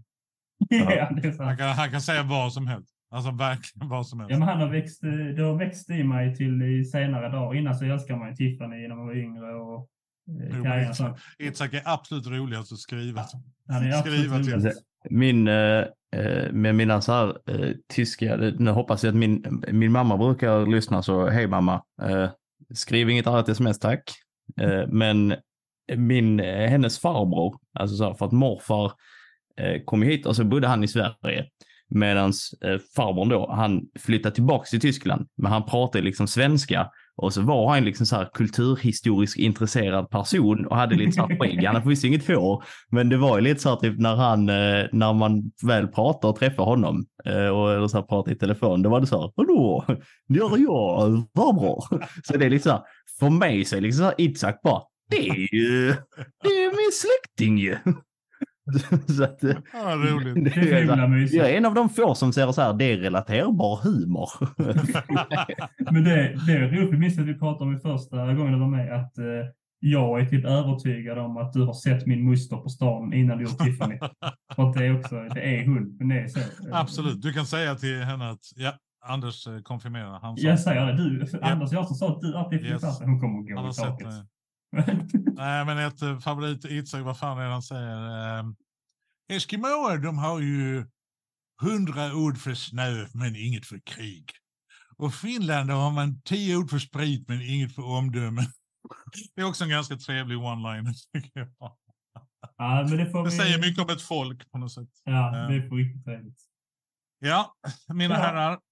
Vi Tack får för dessa två och en halv timme. Mycket trevligt och mycket trevligt att du vill vara med. Vi är väldigt tacksamma för det och väldigt eh, tacksamma för ja, men kunna prata med film eh, och historia med någon som är så kunnig och intresserad. Jag är inte dugg kunnig, men eh, jag älskar att prata med er för ni är lika nördiga som jag. Så Vi, det är- roligt. Det är roligt. Ja, vi som eh, podd och eh, individuella personer, för det är vi det också på fritiden, eh, så vill vi bara säga ett stort tack för att du vill eh, vara med och att du är så himla god och trevlig. Och för er som inte går och se Anders show, vi, jag och Theo var ju och såg på den när du hade en sån här lite testföreställning på Mm. Stenkrossen i Lund. Va? Shit. Ja. Men då Ja. sa vi inte hej efter. Jo, vi. Jo, det gjorde vi. Ja, precis. Ja. Eh, så försök få biljetter. Det är värt, eh, det, det, kom, det så här, vi, vi såg när det var tryout, alltså när det testades skämt. Och det är en av de bästa liksom, så här, upplevelserna jag ja, har det haft av liksom, så här riktigt stand-up. Det Det, Det, jag kommer ihåg, det var väldigt kul. Det var det väldigt var, det var väldigt, så att eh, gå och se det.